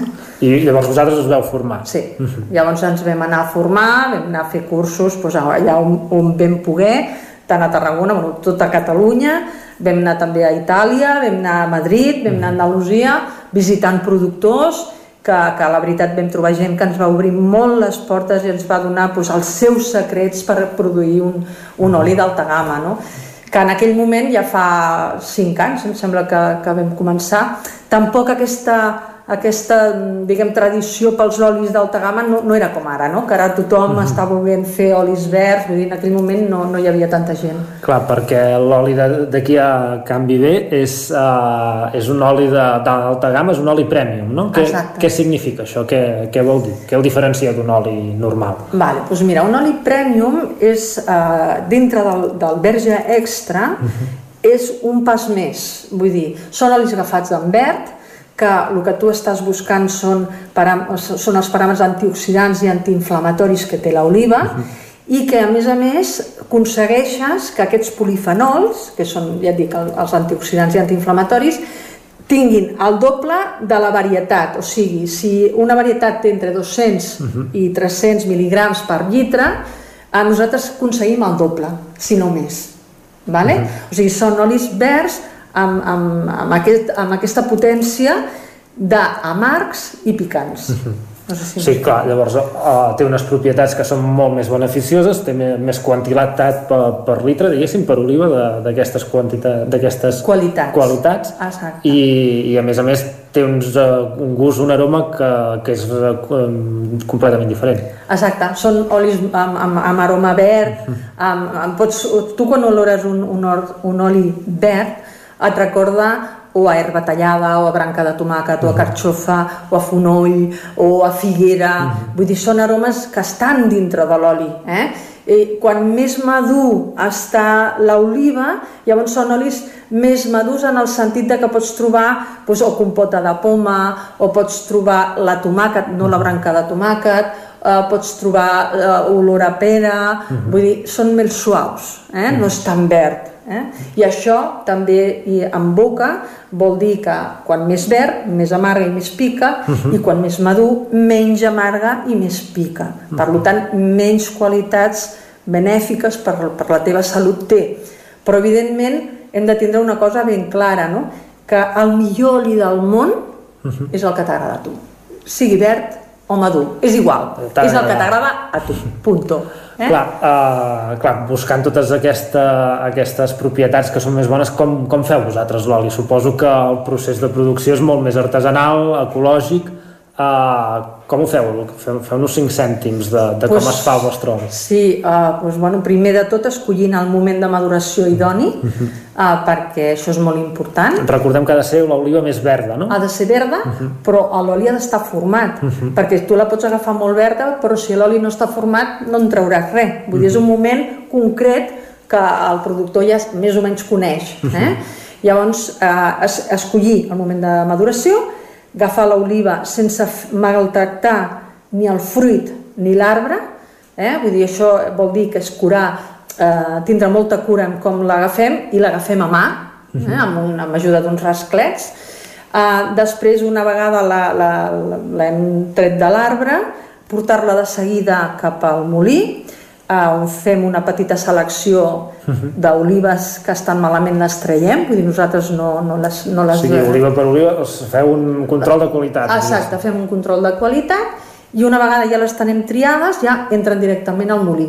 Aquest procés són unes dues hores, tres hores com a màxim, des del moment que la traiem de l'arbre fins que entra al molí. Setmanes, és... setmanes estressants, no?, les de collita. Total, total. És molt estressant, molt maco, també s'ha de dir, molt romàntic, eh? vull dir, molt cansat, perquè acabes, bueno, que et fa mal tot, però és veritat que després estàs, estàs tot un any gaudint de la feina que has fet durant Clar. aquests dies. Tot aquest sistema vosaltres el feu aquí a la Masia. Sí, el fem aquí. Eh? Per això hem tingut que fer una inversió important en, en maquinària. Eh? Uh, a més a més, uh, és interessant que les varietats que treballeu, una és l'arbequina, que és coneguda aquí a Catalunya, però n'hi ha una que, que és únicament ballesana, bueno, únicament, o que és principalment una varietat autòctona d'aquí al Vallesana, ja ho, Vallès. ja ho deies bé, ja. Sí, sí. Uh, que es diu Vera, no? Vera del Vallès, sí. La vera, la vera fina li diuen, o la vera del Vallès, perquè aquí no sent una, una, una zona tradicionalment olive, olivera, sí que és cert que tots els productors tenen les seves olives, eh? amb mi- més o menys quantitat. Llavors, tradicionalment, les oliveres eren eh, una part, a més a més, de l'hort que feia el pagès. Per Mhm. tant, les plantaven a les veres del camí. Val. Per això es diu vera. Mhm. Eh? I clar, no, no és una mm, varietat tan coneguda com l'arbequina. A, a, què, a què es deu això? Que... Bueno, es va perdre. Em sembla que al segle XIX va, va haver-hi, no sé si va ser una gelada molt important, i es va, ver, es va perdre mm, moltes oliveres, no?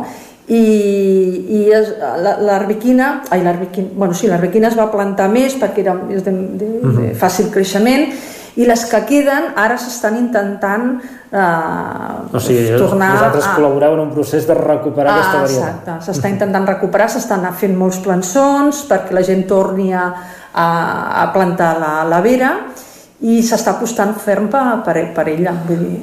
I què té, a l'hora de, de, de tenir l'oli de, de vera, de, què, què té d'especial? Què, la, què el diferencia? Quines propietats té que siguin diferents que l'arbequina a l'hora de, de gust? Eh? pues mira, és una, primer de tot és una varietat molt potenta. Mhm. Molt potenta vol dir que té mm, molt aroma i que treballada en verd li pots treure molts antioxidants i molts antiinflamatoris. Uh, això què vol dir? Pues que pica molt i que amarga moltíssim. O sigui, és, és, és picant. És picant, és picant. A nosaltres, el primer any que la vam treballar, quan la vam tastar, vam dir, ai, mare de Déu, això no agradarà, la gent no està acostumada, ja veurem què passa, i ens vam quedar una mica preocupats. I la sorpresa va ser que va agradar moltíssim, moltíssim. O sigui, la gent que el va tastar, evidentment, hi ha gent que li agrada més l'arbequina i hi ha gent que li agrada més la vera, no? Però la gent que li agrada una miqueta el menjar picant tot i que li agraden els sabors així una mica Mhm. intensos van quedar totalment enamorats de la, de va, la vera. va a gustos, també. Sí, va a gustos. Però sorprèn molt. És Mhm. una varietat que sorprèn molt. Molt bé. Eh, Llavors veieu que té recorregut, que segueixi tant. creixent la, la producció de- d'aquest oli, d'aquesta varietat. Sí, bueno, jo abans eh, et comentava no, que si tingués que tornar a plantar ara, tu plantaríem vera. Mhm. Perquè Plantaríem vosaltres no, no la teniu controlada, aquesta varietat, i quan planteu, planteu arbequina. Sí, exacte. Ens van recomanar arbequina. i Llavors nosaltres tampoc sabíem res del món de l'oli. Dir, és Clar, que era, era allò que comentaves abans, que era per tenir cuidats Ah, les terres de, del voltant de la masia. Nosaltres vam parar a, a la cooperativa i vas parlar amb un pagès i amb un altre i, i et van recomanar doncs, l'arbequina doncs, perquè era la que de seguida eh, es posava maca i creixia i et donava olives. No? En aquell moment no en sabíem res.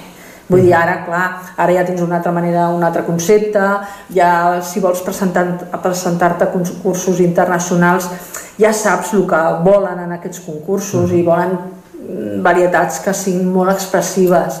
Evidentment hi ha categories, no? Però, però són olis, o sigui, busquen olis molt, molt, molt expressius. Ara que parlaves de concursos, vosaltres hi, us hi presenteu, què, heu tret el bona nota o, o què? Ui, una nota dolentíssima.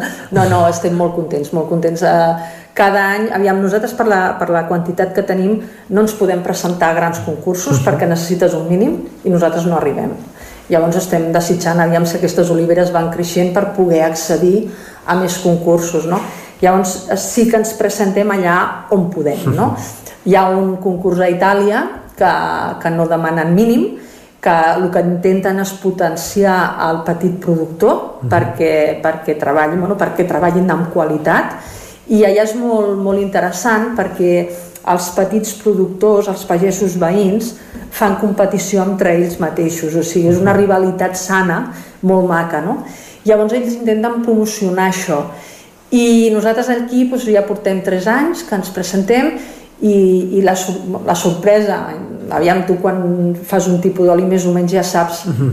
per on estàs, no?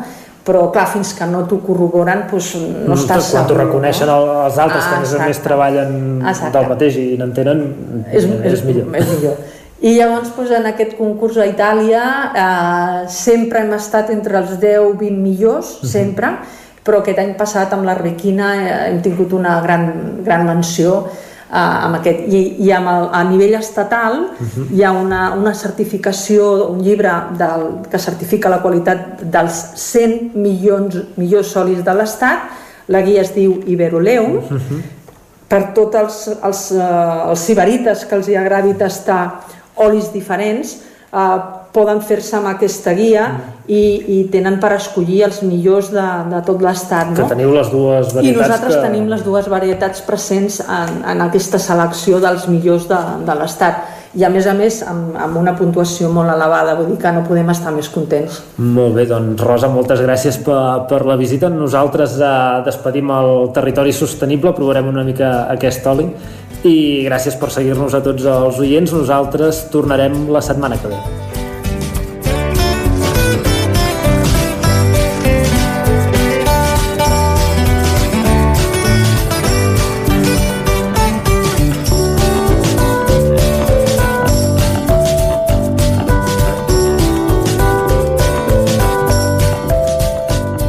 Territori 17 Doncs a Territori 17, Vicenç, que també tenim bons olis. Uh mhm.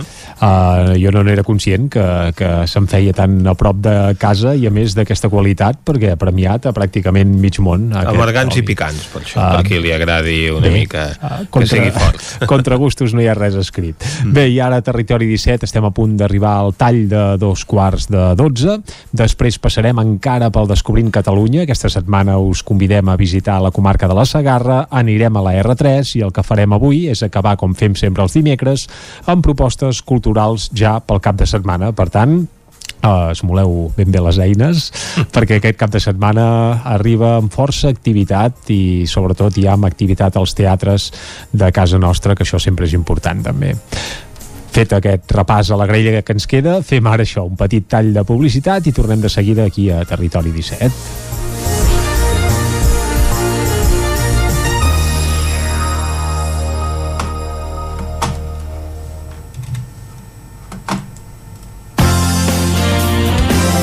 El 9 FM, la ràdio de casa, al 92.8. I si aquest any fem el sopar d'empresa al racó de León? Mmm, podrem triar entre confitado de pato con salsa de ciruelas y manzana en compota o cochinillo asado a la castellana con patatas teja i fer un aperitiu amb gambes i navalles. I de segon, filetes de lenguado rellenos de langostinos i muselina de frutos secos. I tot acompanyat del millor celler. El sopar d'empresa, al racó de León. Carrer Torelló 35 de Vic. Telèfon 93 889 1950. Som especialistes en cargols a la llauna. Vine a tastar-los al racó de León. Pintures Xavi Soler. Tot en pintures. Façanes, obra nova, rehabilitacions interiors de vivenda, estucs, microciments, pintura industrial, motllures, terres vinílics... Pintures Xavi Soler. Ens agrada assessorar-vos i fer de casa vostra el millor lloc del món. Ens trobareu a Manlleu, al carrer Sogorb 113, telèfon 616 1587 33 o 93 851 3504. Cocodril Club. Si t'agrada la bona música dels anys 60, 70 i 80, escolta el 9 FM als matins de dissabtes i diumenges d'11 a 1. És el temps del Cocodril Club, tot un clàssic de la ràdio, amb les bases del pop-rock, les llegendes, les cançons que s'han convertit en autèntics himnes. Recorda, dissabtes i diumenges al matí, d'11 a 1, al 9 FM 92.8. Cocodril Club, el programa revival de l'Albert Malla. Hasta luego, cocodrilo. Et costa l'escola? Vine al Magí. T'oferim atenció personalitzada en grups reduïts per descobrir i superar els obstacles per aprendre. Treballarem l'organització, les tècniques d'estudi i diferents estratègies en nivell emocional per encarar les dificultats. Som a Vic, al carrer Bisbe Morgades 12, telèfon 693 75 0507 o també ens pots visitar al magi.cat. Inscripcions obertes. Vine a la Sagrera de Centelles. Tenim un ampli assortit de tapes i plats de forquilla. Les nostres patates braves són l'especialitat de la casa. Bombes, callos i les millors hamburgueses completes de vaca madurada. A la Sagrera hi trobaràs el personal més atent per poder gaudir d'un bon àpat. També som a Instagram amb l'usuari La Sagrera No em trec la imatge dels nens amb cara de velocitat baixant per la pista vermella. Sí, molt divertit. I quin fred. Uh. Tranquil·la, he deixat l'estufa encesa i la casa està calenta. Sempre tenim sort de comptar amb Corretja. Són especialistes en aïllaments i estufes. Acabar la jornada d'esquí amb la família al voltant de l'estufa i amb aïllaments de primera és 100% corretja. Corretja. Tot i més a corretja-sl.com. El nou FM.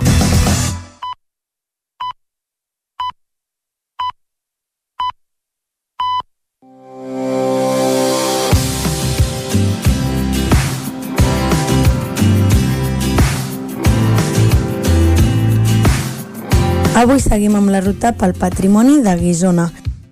Sense moure'ns de l'època medieval, cal destacar el carrer de l'Om.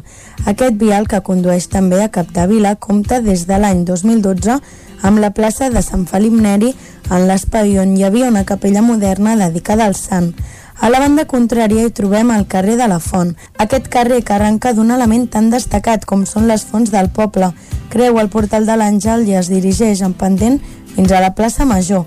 A la meitat del seu traçat, la via s'eixampla per conformar la plaça Pere Fages. Aquesta petita plaça actualment recorda un personatge il·lustre de la vila que va arribar a ser el governador de la Baixa Califòrnia a mitjans del segle XVIII.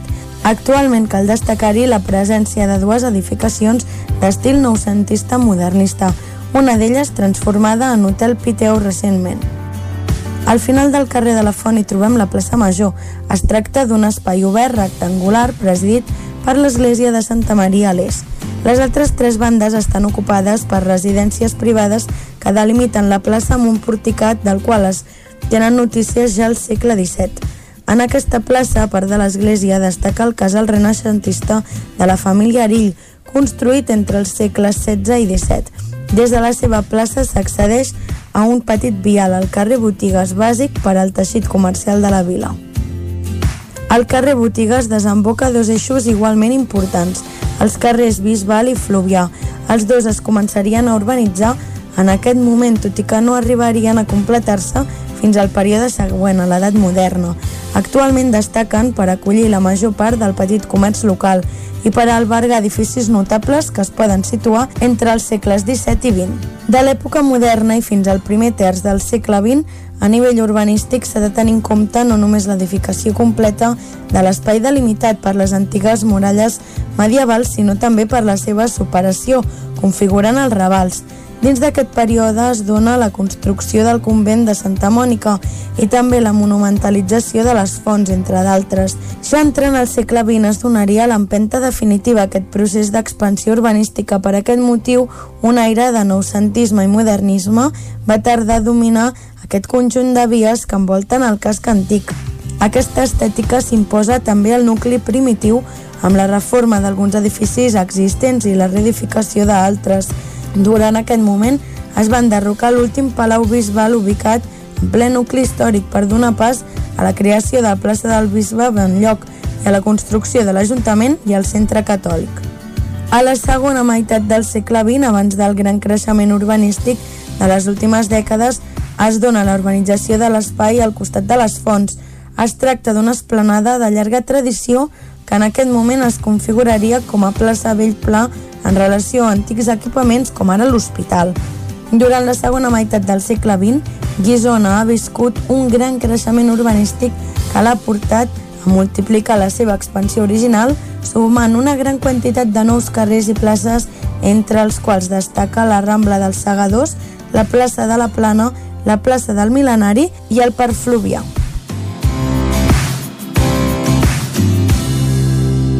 Territori 17 doncs, com bé deia la Núria i bé explicàvem ahir, Guissona ha crescut molt aquests darrers anys, té un malic molt autèntic i molt bonic, però té una part nova que multiplica per, per 4 o 5 o no sé quan el que era l'antic poble de Guissona. I sí, que dona sí. menjar a mig Catalunya. Això també és veritat, l'àrea de Guissona. Vinga, després d'aquesta excursió cap a la Sagarra, anem ara amb tren cap a la R3, a la Trenc d'Alba. A Tren d'Alba, cada dia els usuaris de la línia R3 de Rodalies que veuen sortir el sol des d'un vagó ens expliquen les gràcies i les penes del primer comboi que uneix Ripoll i Barcelona. Benvinguts a Tren d'Alba. Recordeu que fins al mes de febrer s'estan fent unes obres de millora al túnel de Toses que interrompen el servei a la zona nord de la línia R3, oi? Doncs resulta que sembla ser que l'Agència Catalana de l'Aigua ha requerit a l'empresa que realitza les obres al túnel del tren de la Molina, que no és cap altre que DIF, que aturi els abocaments al torrent de les Platasses. També li ha demanat que instal·li millores en el sistema de control de vessament sota l'avís d'imposar-li una sanció. Des de DIF es defensen dient que ja han instal·lat totes les mesures oportunes i han negat que contamini el riu. Veurem com acaba tot plegat plegat, però si millores el servei, que no sigui en detriment del medi ambient de la zona. Us deixo ja amb la Núria, que avui ens porta una crònica molt amorosa. Bon dia des de l'R3. Avui el tren ha arribat 4 minuts tard, ha sortit també una mica tard de Vic. Res, el viatge ha estat distret també. Avui tornava a tenir la companyia dels amics eh, futbolistes, que us ho vaig dir malament, no havien sortit a Granollers, havien sortit a les Franqueses, i res, avui també era distret perquè, bueno, jo seia força lluny d'ells, o sigui no sentia la conversa, però sí que els podia observar i observar les quatre noies que seien al seu voltant, perquè són com, no sé, 17, 18 nanos, i clar, aquestes quatre noies estaven com, bueno, se les veia divertides i alguna d'elles potser força contenta i res, que m'ha fet gràcia rememorar l'amor i, i els, els fletxassos que dèiem, eh? I, i les primeres il·lusions de descobrir persones interessants i de les que en pots aprendre i, i bueno, és una al·licient més per agafar el tren, no? I res, m'han fet molta gràcia, sobretot quan han sortit tots a les franqueses, que realment són una bona colla. Les quatre noies, bueno, comentant la jugada posterior eren com molt divertides. I res, m'ha recordat quan jo tenia la seva edat, que deuen tenir, no sé, 16, 17 anys, no crec que siguin ni majors d'edat, i les seves mirades, i bueno, m'han fet gràcia, les he trobat molt, molt divertides i molt alegres. I res, a part d'això, doncs ja hi tornem a ser un dia més, aquí avui no fa gens de fred, també hem vist sortir el sol i res, us desitjo un bon dia i demà hi tornem. Vinga, salutacions de la Núria des de l'R3. Adéu-siau. Ai, l'amor, que és bonic. Val a dir que si eren quatre noies podien triar sense problemes entre els nois futbolistes, pel que has dit eren una bona colla. A veure com continua aquesta trenovel·la amorosa en el pròxim capítol. Va, ens retrobem demà i recordeu que ja portem un retard acumulat de 2 hores i 50 minuts des de l'inici d'aquest mes de setembre. Territori 17 Doncs després d'anar d'excursió a la Sagarra i d'anar amb tren... Ara la Núria toca... està prou de sort, perquè no sí. acumula tant retard com ens trobàvem en la temporada anterior. Uh, tot i que jo penso que els retards han canviat, eh? El xip abans era que cada dia un quart, 20 minuts, mitja hora, i ara hi ha puntualitats, dies de, de bonança i de sort, o no sé com se n'ha de dir, uh mhm. -huh. i alhora mesclats amb dies d'autèntica tragèdia amb retards que superen l'hora o, o fins i tot dues hores, eh, però vaja a la R3 cada dia és una aventura i aquí a Territori 17 ho anem seguint. Uh, I ara el que toca és propostes pel cap de setmana de caire cultural, perquè teatres i auditoris ja han arrencat la temporada a molts indrets i Vicenç, uh, és hora de començar a esmolar les eines, uh, agafar l'agenda, que més es ve s'acosta un cap de setmana llarg i segur que podem anar a molts llocs i especialment si fa mal temps com ens ha augurat el Pep Acosta, com que els mhm. teatres tenen sostre en principi, doncs sempre pot ser una bona opció per aquest cap de setmana llarg que s'atansa. Però en començarem aquest I repàs. tant que sí, perquè els teatres van obrint les portes i, mm -hmm. i a més a més doncs, hem de recalcar que la cultura és segura, que s'apliquen les normes doncs, que estableix protecció civil, per tant els aforaments doncs, són més limitats, hi ha moltes més mesures de control i bé, fins ara no s'ha trobat doncs, en cap acte cultural que s'hagi produït un brot de coronavirus. Per tant, el que hem de fer és gaudir d'aquestes propostes i veure quina ens ofereixen els nostres companys. Si et sembla, Jordi, doncs comencem per l'Òscar Muñoz des de Ràdio Cardedeu. Bon dia. Bon dia. Doncs l'Òscar té a punt un seguit de propostes també per aquest cap de setmana, no? Exacte, sí. Comencem pel cinema Esbarjo, uh -huh. que aquest cap de setmana tenim la pel·lícula En busca de Summerland. La pel·lícula estarà en versió en anglès, subtitulat en castellà. I la pel·lícula tracta sobre la Segona Guerra Mundial, on tots els nens eren evacuats de ciutats i els enviaven a, a famílies de petits pobles temporal, temporalment. Uh -huh. El film és d'aquest any i de la directòria Jessica Schwale. Crec que així que es pronuncia. Uh -huh. Molt bé. Diria I... que ella no es queixarà pas, eh, si li, pronun... si no, li pronunciem no, no. malament el nom. Però bé. Crec que ens escolta, eh, també. Pot ser, pot ser. Dissabte, al Teatre Auditori de Caradeu, tenim el concert Íntimament Llac, de Neus Mar. El concert dura uns 90 minuts, a les 8 de la nit i el preu és de 5 euros. Uh -huh. El concert està format per la Neus Mar, que és la que posa la veu, i la poesia corporal de la, la posa la Montse Canals. Uh -huh. També tenim una guitarra, a l'Emilio Sánchez, i la percussió de l'Enric Canada. Uh -huh. Ells posen que el cant i la dansa creen una singular simbiosis que ens transmeten la força i la tendresa que només trobem a les cançons de, de Llach. -huh. Quin mestre, Lluís Llach. I, I amb aquests músics, a més a més, doncs, que ja actuen de forma habitual amb, bueno, amb la mateixa formació pràcticament, però amb altres continguts també temàtics. També, i per cert, l'Enric Canada, percussionista en uh -huh. alguns directes de, de Llach també. -huh. Alguna vegada ja havien tocat plegats, sí, sí. Molt bé. Òscar, què més tenim per aquí a Cardedeu? tenim el Vallès. a Cardedeu ja no tenim res uh -huh. ens anem de concert a concert ara a Llinars del Vallès on tornen els amics de les arts Carai. el senyal que esperaves havien de venir al març, havien de venir al maig i després el 23 d'octubre tenien les actes exaurides feia mesos uh -huh. però per les normatives del Covid doncs doncs no es podien permetre omplir la sala. Així que van cancel·lar el bolo del dia 23 i això van fer un, una doble funció aquest dissabte una a les 8 i l'altra a les 11 doncs... aquells que tenien ja l'entrada comprada els hi van fer una, un abonament directe al compte uh -huh. déu nhi complicat tot plegat aquest, uh, organitzar aquest concert dels Amics de les Arts exacte i ja per acabar el Teatre Auditori de Granollers tenim uh -huh. diumenge l'espectacle YOLO YOLO significa You Only Life One és un cant de la vida a través del circ, un crit de lluita que surt del més profund per omplir l'escenari. Allà hi podem trobar disciplines com acrobàcies, malabars, tècniques aèries, música i humor. Serà a les 6 de la tarda i seran 6 euros. Doncs molt bé, gràcies Òscar per aquestes uh, propostes. No ens movem del Vallès, anem a Sant Feliu de Codines on ens espera la Caral Campàs. Caral, bon dia.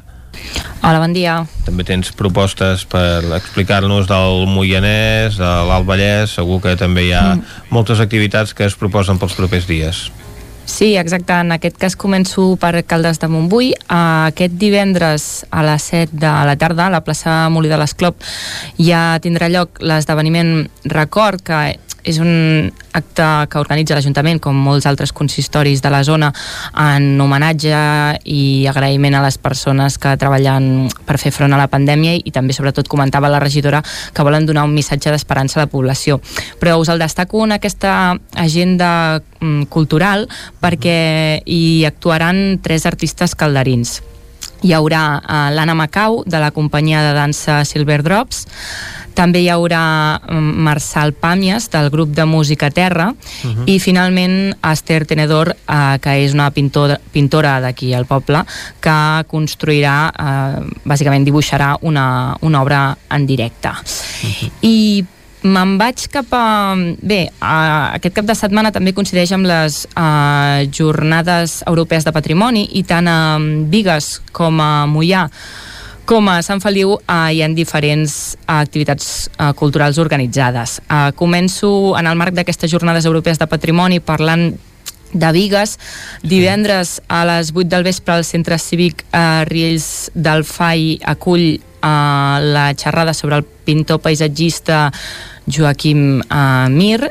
Després, en el marc també d'aquestes jornades, el dissabte a les 5 de la tarda hi ha una visita guiada al poblat ibèric de Puiggraciós a càrrec de Marc Guàrdia, que és arqueòleg i tècnic del Museu de Granollers. Uh, prèviament hi haurà una caminada uh, que sortirà des de la plaça de l'Església de Sant Pere de Vigues i seguint també en aquest format de caminada i posterior doncs, visita guiada d'interès uh, cultural, el diumenge a les 11 del matí també hi ha una visita guiada a l'església de Sant Mateu uh, de Montbui a càrrec de Josep Maria Vila, que és historiador i arqueòleg, i Jaume Serra. Després, també en el marc d'aquestes jornades europees, us comentava que a Mollà hi ha cosetes, Uh, aquí, uh, tant dissabte com diumenge, doncs uh, a dues ha, uh, s'organitza un taller del bronzidor al poblat neolític del Parc Prehistòric de les Coves del Toll, aquests dos matins de dissabte i diumenge, és gratuït i no cal reserva prèvia. I a més a més, també durant tot el cap de setmana, uh, el Museu de Mollà té, hi ha té portes obertes en, en horari d'obertura regular. I finalment, eh, us comentava també que a Sant Feliu de Codines hi ha activitats en aquest sentit i aquí el que faran és diumenge a les 12 eh, faran una visita guiada a la Casa Modernista de Can Xifreda. Um, aquesta visita servirà per conèixer el personatge d'Antoni Guifreda, que era industrial tèxtil, fill de Manlleu, que va ser un dels estiuejants emblemàtics a cavall dels segles XIX i XX i la seva, també parlaran de la seva implicació a la vida social de la vila i es farà un repàs de la història de l'edifici i dels jardins des de la seva construcció fins que passa a ser a propietat eh, municipal i finalment es va destinar al museu. Uh -huh. I acabo aquest repàs de l'agenda cultural uh, comentant-vos també que aquí Sant Feliu de Codines aquest dissabte uh, la població acull la setena mostra juvenil amateur de Teatre de Catalunya. Uh, cada any uh, hi ha aquesta activitat que normalment dura dos dies però a causa de la pandèmia l'han reduït a, a un dia i us repassaré doncs, totes les, les actuacions teatrals que, que hi haurà. Clar que... a les a dos quarts de deu del matí al Centre Cívic La Fonteta eh, Dissabte, com deia, hi ha la representació de l'obra local del grup de teatre de Xalles 81, Adolescer 255, de Roberto Santiago.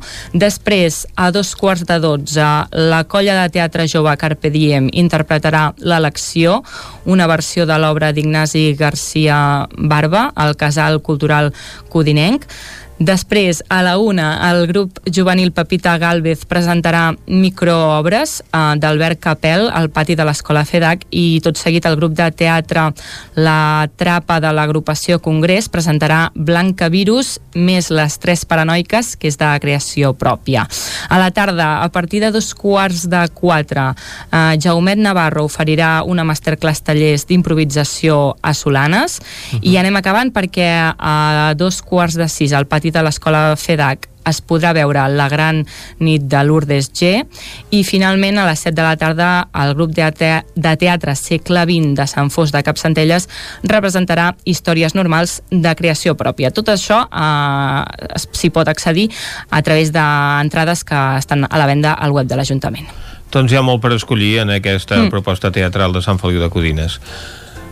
Moltes gràcies, Exacte. Caralt. Uh, anem, anem ara a la veu de Sant Joan. Allà ens espera l'Isaac Muntades de nou. Bon dia. Bon dia, Vicenç. Anem a conèixer bon què hi haurà aquest cap de setmana al Ripollès. Sí, és un cap de setmana que ve bastant carregat d'activitats culturals mm -hmm. i sens dubte doncs, un dels plats forts eh, de culturals d'aquests dies doncs, és eh, aquest divendres a les 9 del vespre el Teatre Comtal de Ripoll acollirà doncs, la inauguració del Terra Gullut Film Festival, que aquí tothom que hi vulgui anar, evidentment, eh, s'ha de, de reservar entrada i costa per això només 5 euros, per tant és bastant assequible. El Teatre Comtal recordem que és bastant gran, però evidentment hi haurà límit d'aforament per totes les mesures de, de la Covid-19. Eh, en aquesta sessió inaugural presentada per Elisenda Roca destacarà la presentació del film Desextinción del director Alfonso Pari, que comptarà amb la presència de l'antropòleg Eudal Carbonell i com ens va explicar si us recordeu la setmana passada l'entrevista que li vam fer en Joaquim Roquer un dels impulsors doncs, d'aquest festival és un film que el tracta sobre el debat de si s'haurien de reviure espècies que en el seu moment es van extingir no? com per exemple són els dinosaures per tant doncs una, un, un bon film doncs, per inaugurar doncs, uh, aquest Terra Gullut Film Festival. També uh -huh. en aquesta inauguració tindrem el corresponsal a l'Àfrica de l'avantguàrdia, Xavier Aldecoa, que presentarà el seu projecte Indestructibles i a més a més l'acte estarà amenitzat amb la música en directe de Marc Casas i Johnny Aldonate que tocaran el vibràfon i el, i el contrabaix uh, de jazz. Uh, per tant, ja ho sabeu, teniu una cita doncs, aquest divendres amb el cinema Uh, després, uh, fins al pròxim 18 d'octubre es pot visitar també a Ripoll una exposició col·lectiva que es, uh, es diu Matisos, que és de la Montse Barros, però també han participat doncs, altres persones, ella ho ha liderat, però en total són 12 persones que han fet aquesta exposició col·lectiva que es troba ubicada doncs, a la sala Bat Sant Just de Ripoll i qui la vulgui veure ho pot eh, veure els dijous, divendres i dissabtes de 6 a 8 de la tarda i els diumenges i festius també en aquesta mateixa franja horària, però a més a més s'inclou uh, l'horari de matí de 12 a 2. Uh, aquest cap de setmana també hi haurà activitats al Museu Etnogràfic, hi ha la jornada de portes obertes amb motiu doncs, de les jornades europees de patrimoni, a més el dissabte a les 5 de la tarda hi ha l'activitat Desperta al, al Patrimoni al Museu Etnogràfic de Ripoll, que està impulsada des de l'Agència Catalana del Patrimoni Cultural, doncs, en la qual ensenyaran a fer uh, un modelat 3D d'una peça del museu amb el mòbil. Per tant, doncs, uh, ja ho sabeu que el Museu Etnogràfic ja fa temps que està obert i per tant quina millor manera que reactivar la cultura que anar a visitar museus i teatres i el teatre també és important i una altra activitats estrella d'aquest dissabte doncs es fa aquí a Sant Joan de les Abadeses que a poc a poc doncs anem recuperant l'activitat uh, cultural després del, del rebrot que, que hi va haver-hi a, a finals del mes d'agost i principis de setembre. I es dona el tret de sortida doncs, al cicle de tardor del SAT Teatre Centre. Uh, els preus uh, per aquest esdeveniment ens, ens comentava uh, el, un dels directors de, del teatre del SAT, uh, Teatre Centre uh, de Sant Joan de les Abadeses, en Jordi Garriga ens comentava que hi havia encara moltes entrades uh, a la venda, oscil·len els preus entre 14 i 18 euros. Uh, es farà una lectura teatralitzada que es titula Des de l'enyor de l'exili de, amb textos de, del poeta Josep Carner eh, que llegiran dues actrius tan reconegudes de l'escena catalana com són Sílvia Bell i, i Rosa Renom i aquesta doncs, és un, la primera activitat, la que enceta aquest cicle de tardor, que encara en tindrà tres més fins al mes de desembre, on destaca, destaca també doncs, l'actuació de Lluís Gavaldà dels Pets, que el tindrem al desembre, ja us en parlarem en el seu moment.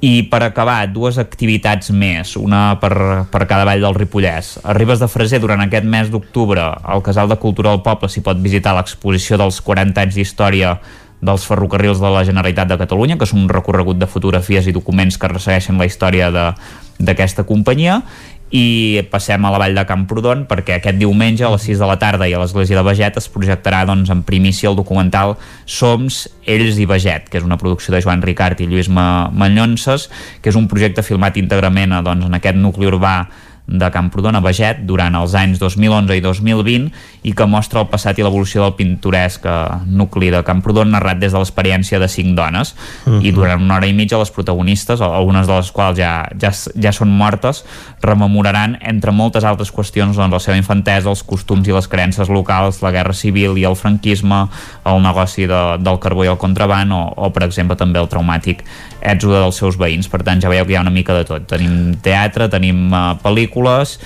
i, i tenim cinema, per tant, Exacte. complet i com a plat destacat l'inici d'aquest eh, festival, el Terra Gollut Film Festival, que comença doncs, aquest divendres a Ripoll. També tenim els Amics de les Arts a Llinars, tenim un homenatge a Lluís Llach a Cardedeu, tenim teatre juvenil a Sant Feliu de Codines, però també tenim coses a Osona, Jordi. I tant, a Osona l'activitat als dos principals teatres de la comarca doncs ja ha arrencat, eh, vaja, a ple rendiment. Parlarem de l'Atlàntida, però volem arrencar parlant del Sirvianum, perquè aquest cap de setmana eh, s'hi posa en escena una obra que ja s'hi va poder veure fa aproximadament un any. L'obra és Germans de Sang, un clàssic del teatre musical gairebé podríem dir que mundial, i un dels actors que hi ha en aquesta obra és el Guillem Rico, company Què dius, nostre. ara? Sí, sí, sí, Guillem Rico, periodista, però també actor Comediant. professionalíssim, canta superbé, perquè jo vaig fa un any, aquest, cal dir que l'obra es va representar fa, fa un any i que ara tornen en escena, eh? havien de tornar a la primavera, però clar, el coronavirus ho va impedir i tornen ara, aquest cap de setmana, l'obra es podrà veure el divendres i dissabte, doble funció, a les 9 del vespre, al Teatre Sirvianum de Torelló i per parlar-ne una mica tenim el Guillem ara aquí mateix i ja el saludem. Uh, Guillem Rico, molt bon dia. El, el Guillem, que encara el tenim... Parlem exacte, parlem d'un dels protagonistes d'aquest eh, espectacle, Germans de Sang, que té lloc al Teatre Sirvianum de Torelló, aquest divendres i aquest dissabte. Exacte. Eh que sí? Doncs, Guillem, eh, explica'ns una mica com funciona els eh, Germans de Sang, com anirà aquesta representació que ja es va poder veure l'any passat. Doncs sí, fem la reposició ara, eh, s'havia d'haver fet la A la reposició. primavera. Mhm. A la primavera, exacte, Correcte. eh, però ves, que, ves per on que amb el coronavirus no es va poder fer.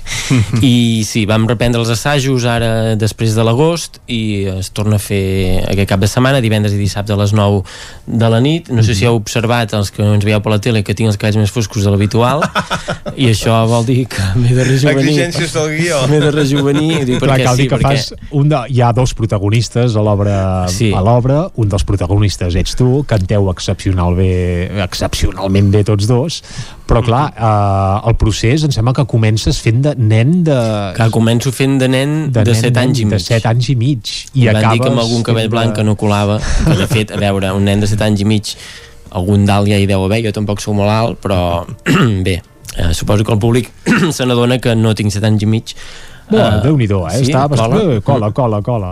Jo crec que cola. Uh, I bé, doncs això, vam, això la, la història va sobre aquests dos germans que, que, que els separen a néixer, diguem, i hi ha la, doncs, la història de, de la mare biològica eh, que també surt allà de fet no estem fent cap spoiler perquè de fet no, eh, cal dir que la mare biològica fa un paperàs també, mm. si no l'heu vist eh, acudiu-hi perquè ho fa Mm. La Laura. Domènech, Laura sí, sí. Domènech, gran cantant sí. i, I actriu. exacte i bé, va, és aquesta història de comença diguem que comencen els dos germans morts a terra per tant aquí no desvetllarem cap secret um, i això, llavors el que, el que fa és el background, diguem, el flashback aquest de, de, de, Com s'ha arribat fins aquí. de, com, de com han mort. I, i llavors comença això, us explicaré una història que tal, hi ha un narrador que va fent com una mica el fil conductor i durant la història doncs passa des de que neixen aquests nens eh, fins que moren realment. I llavors per tant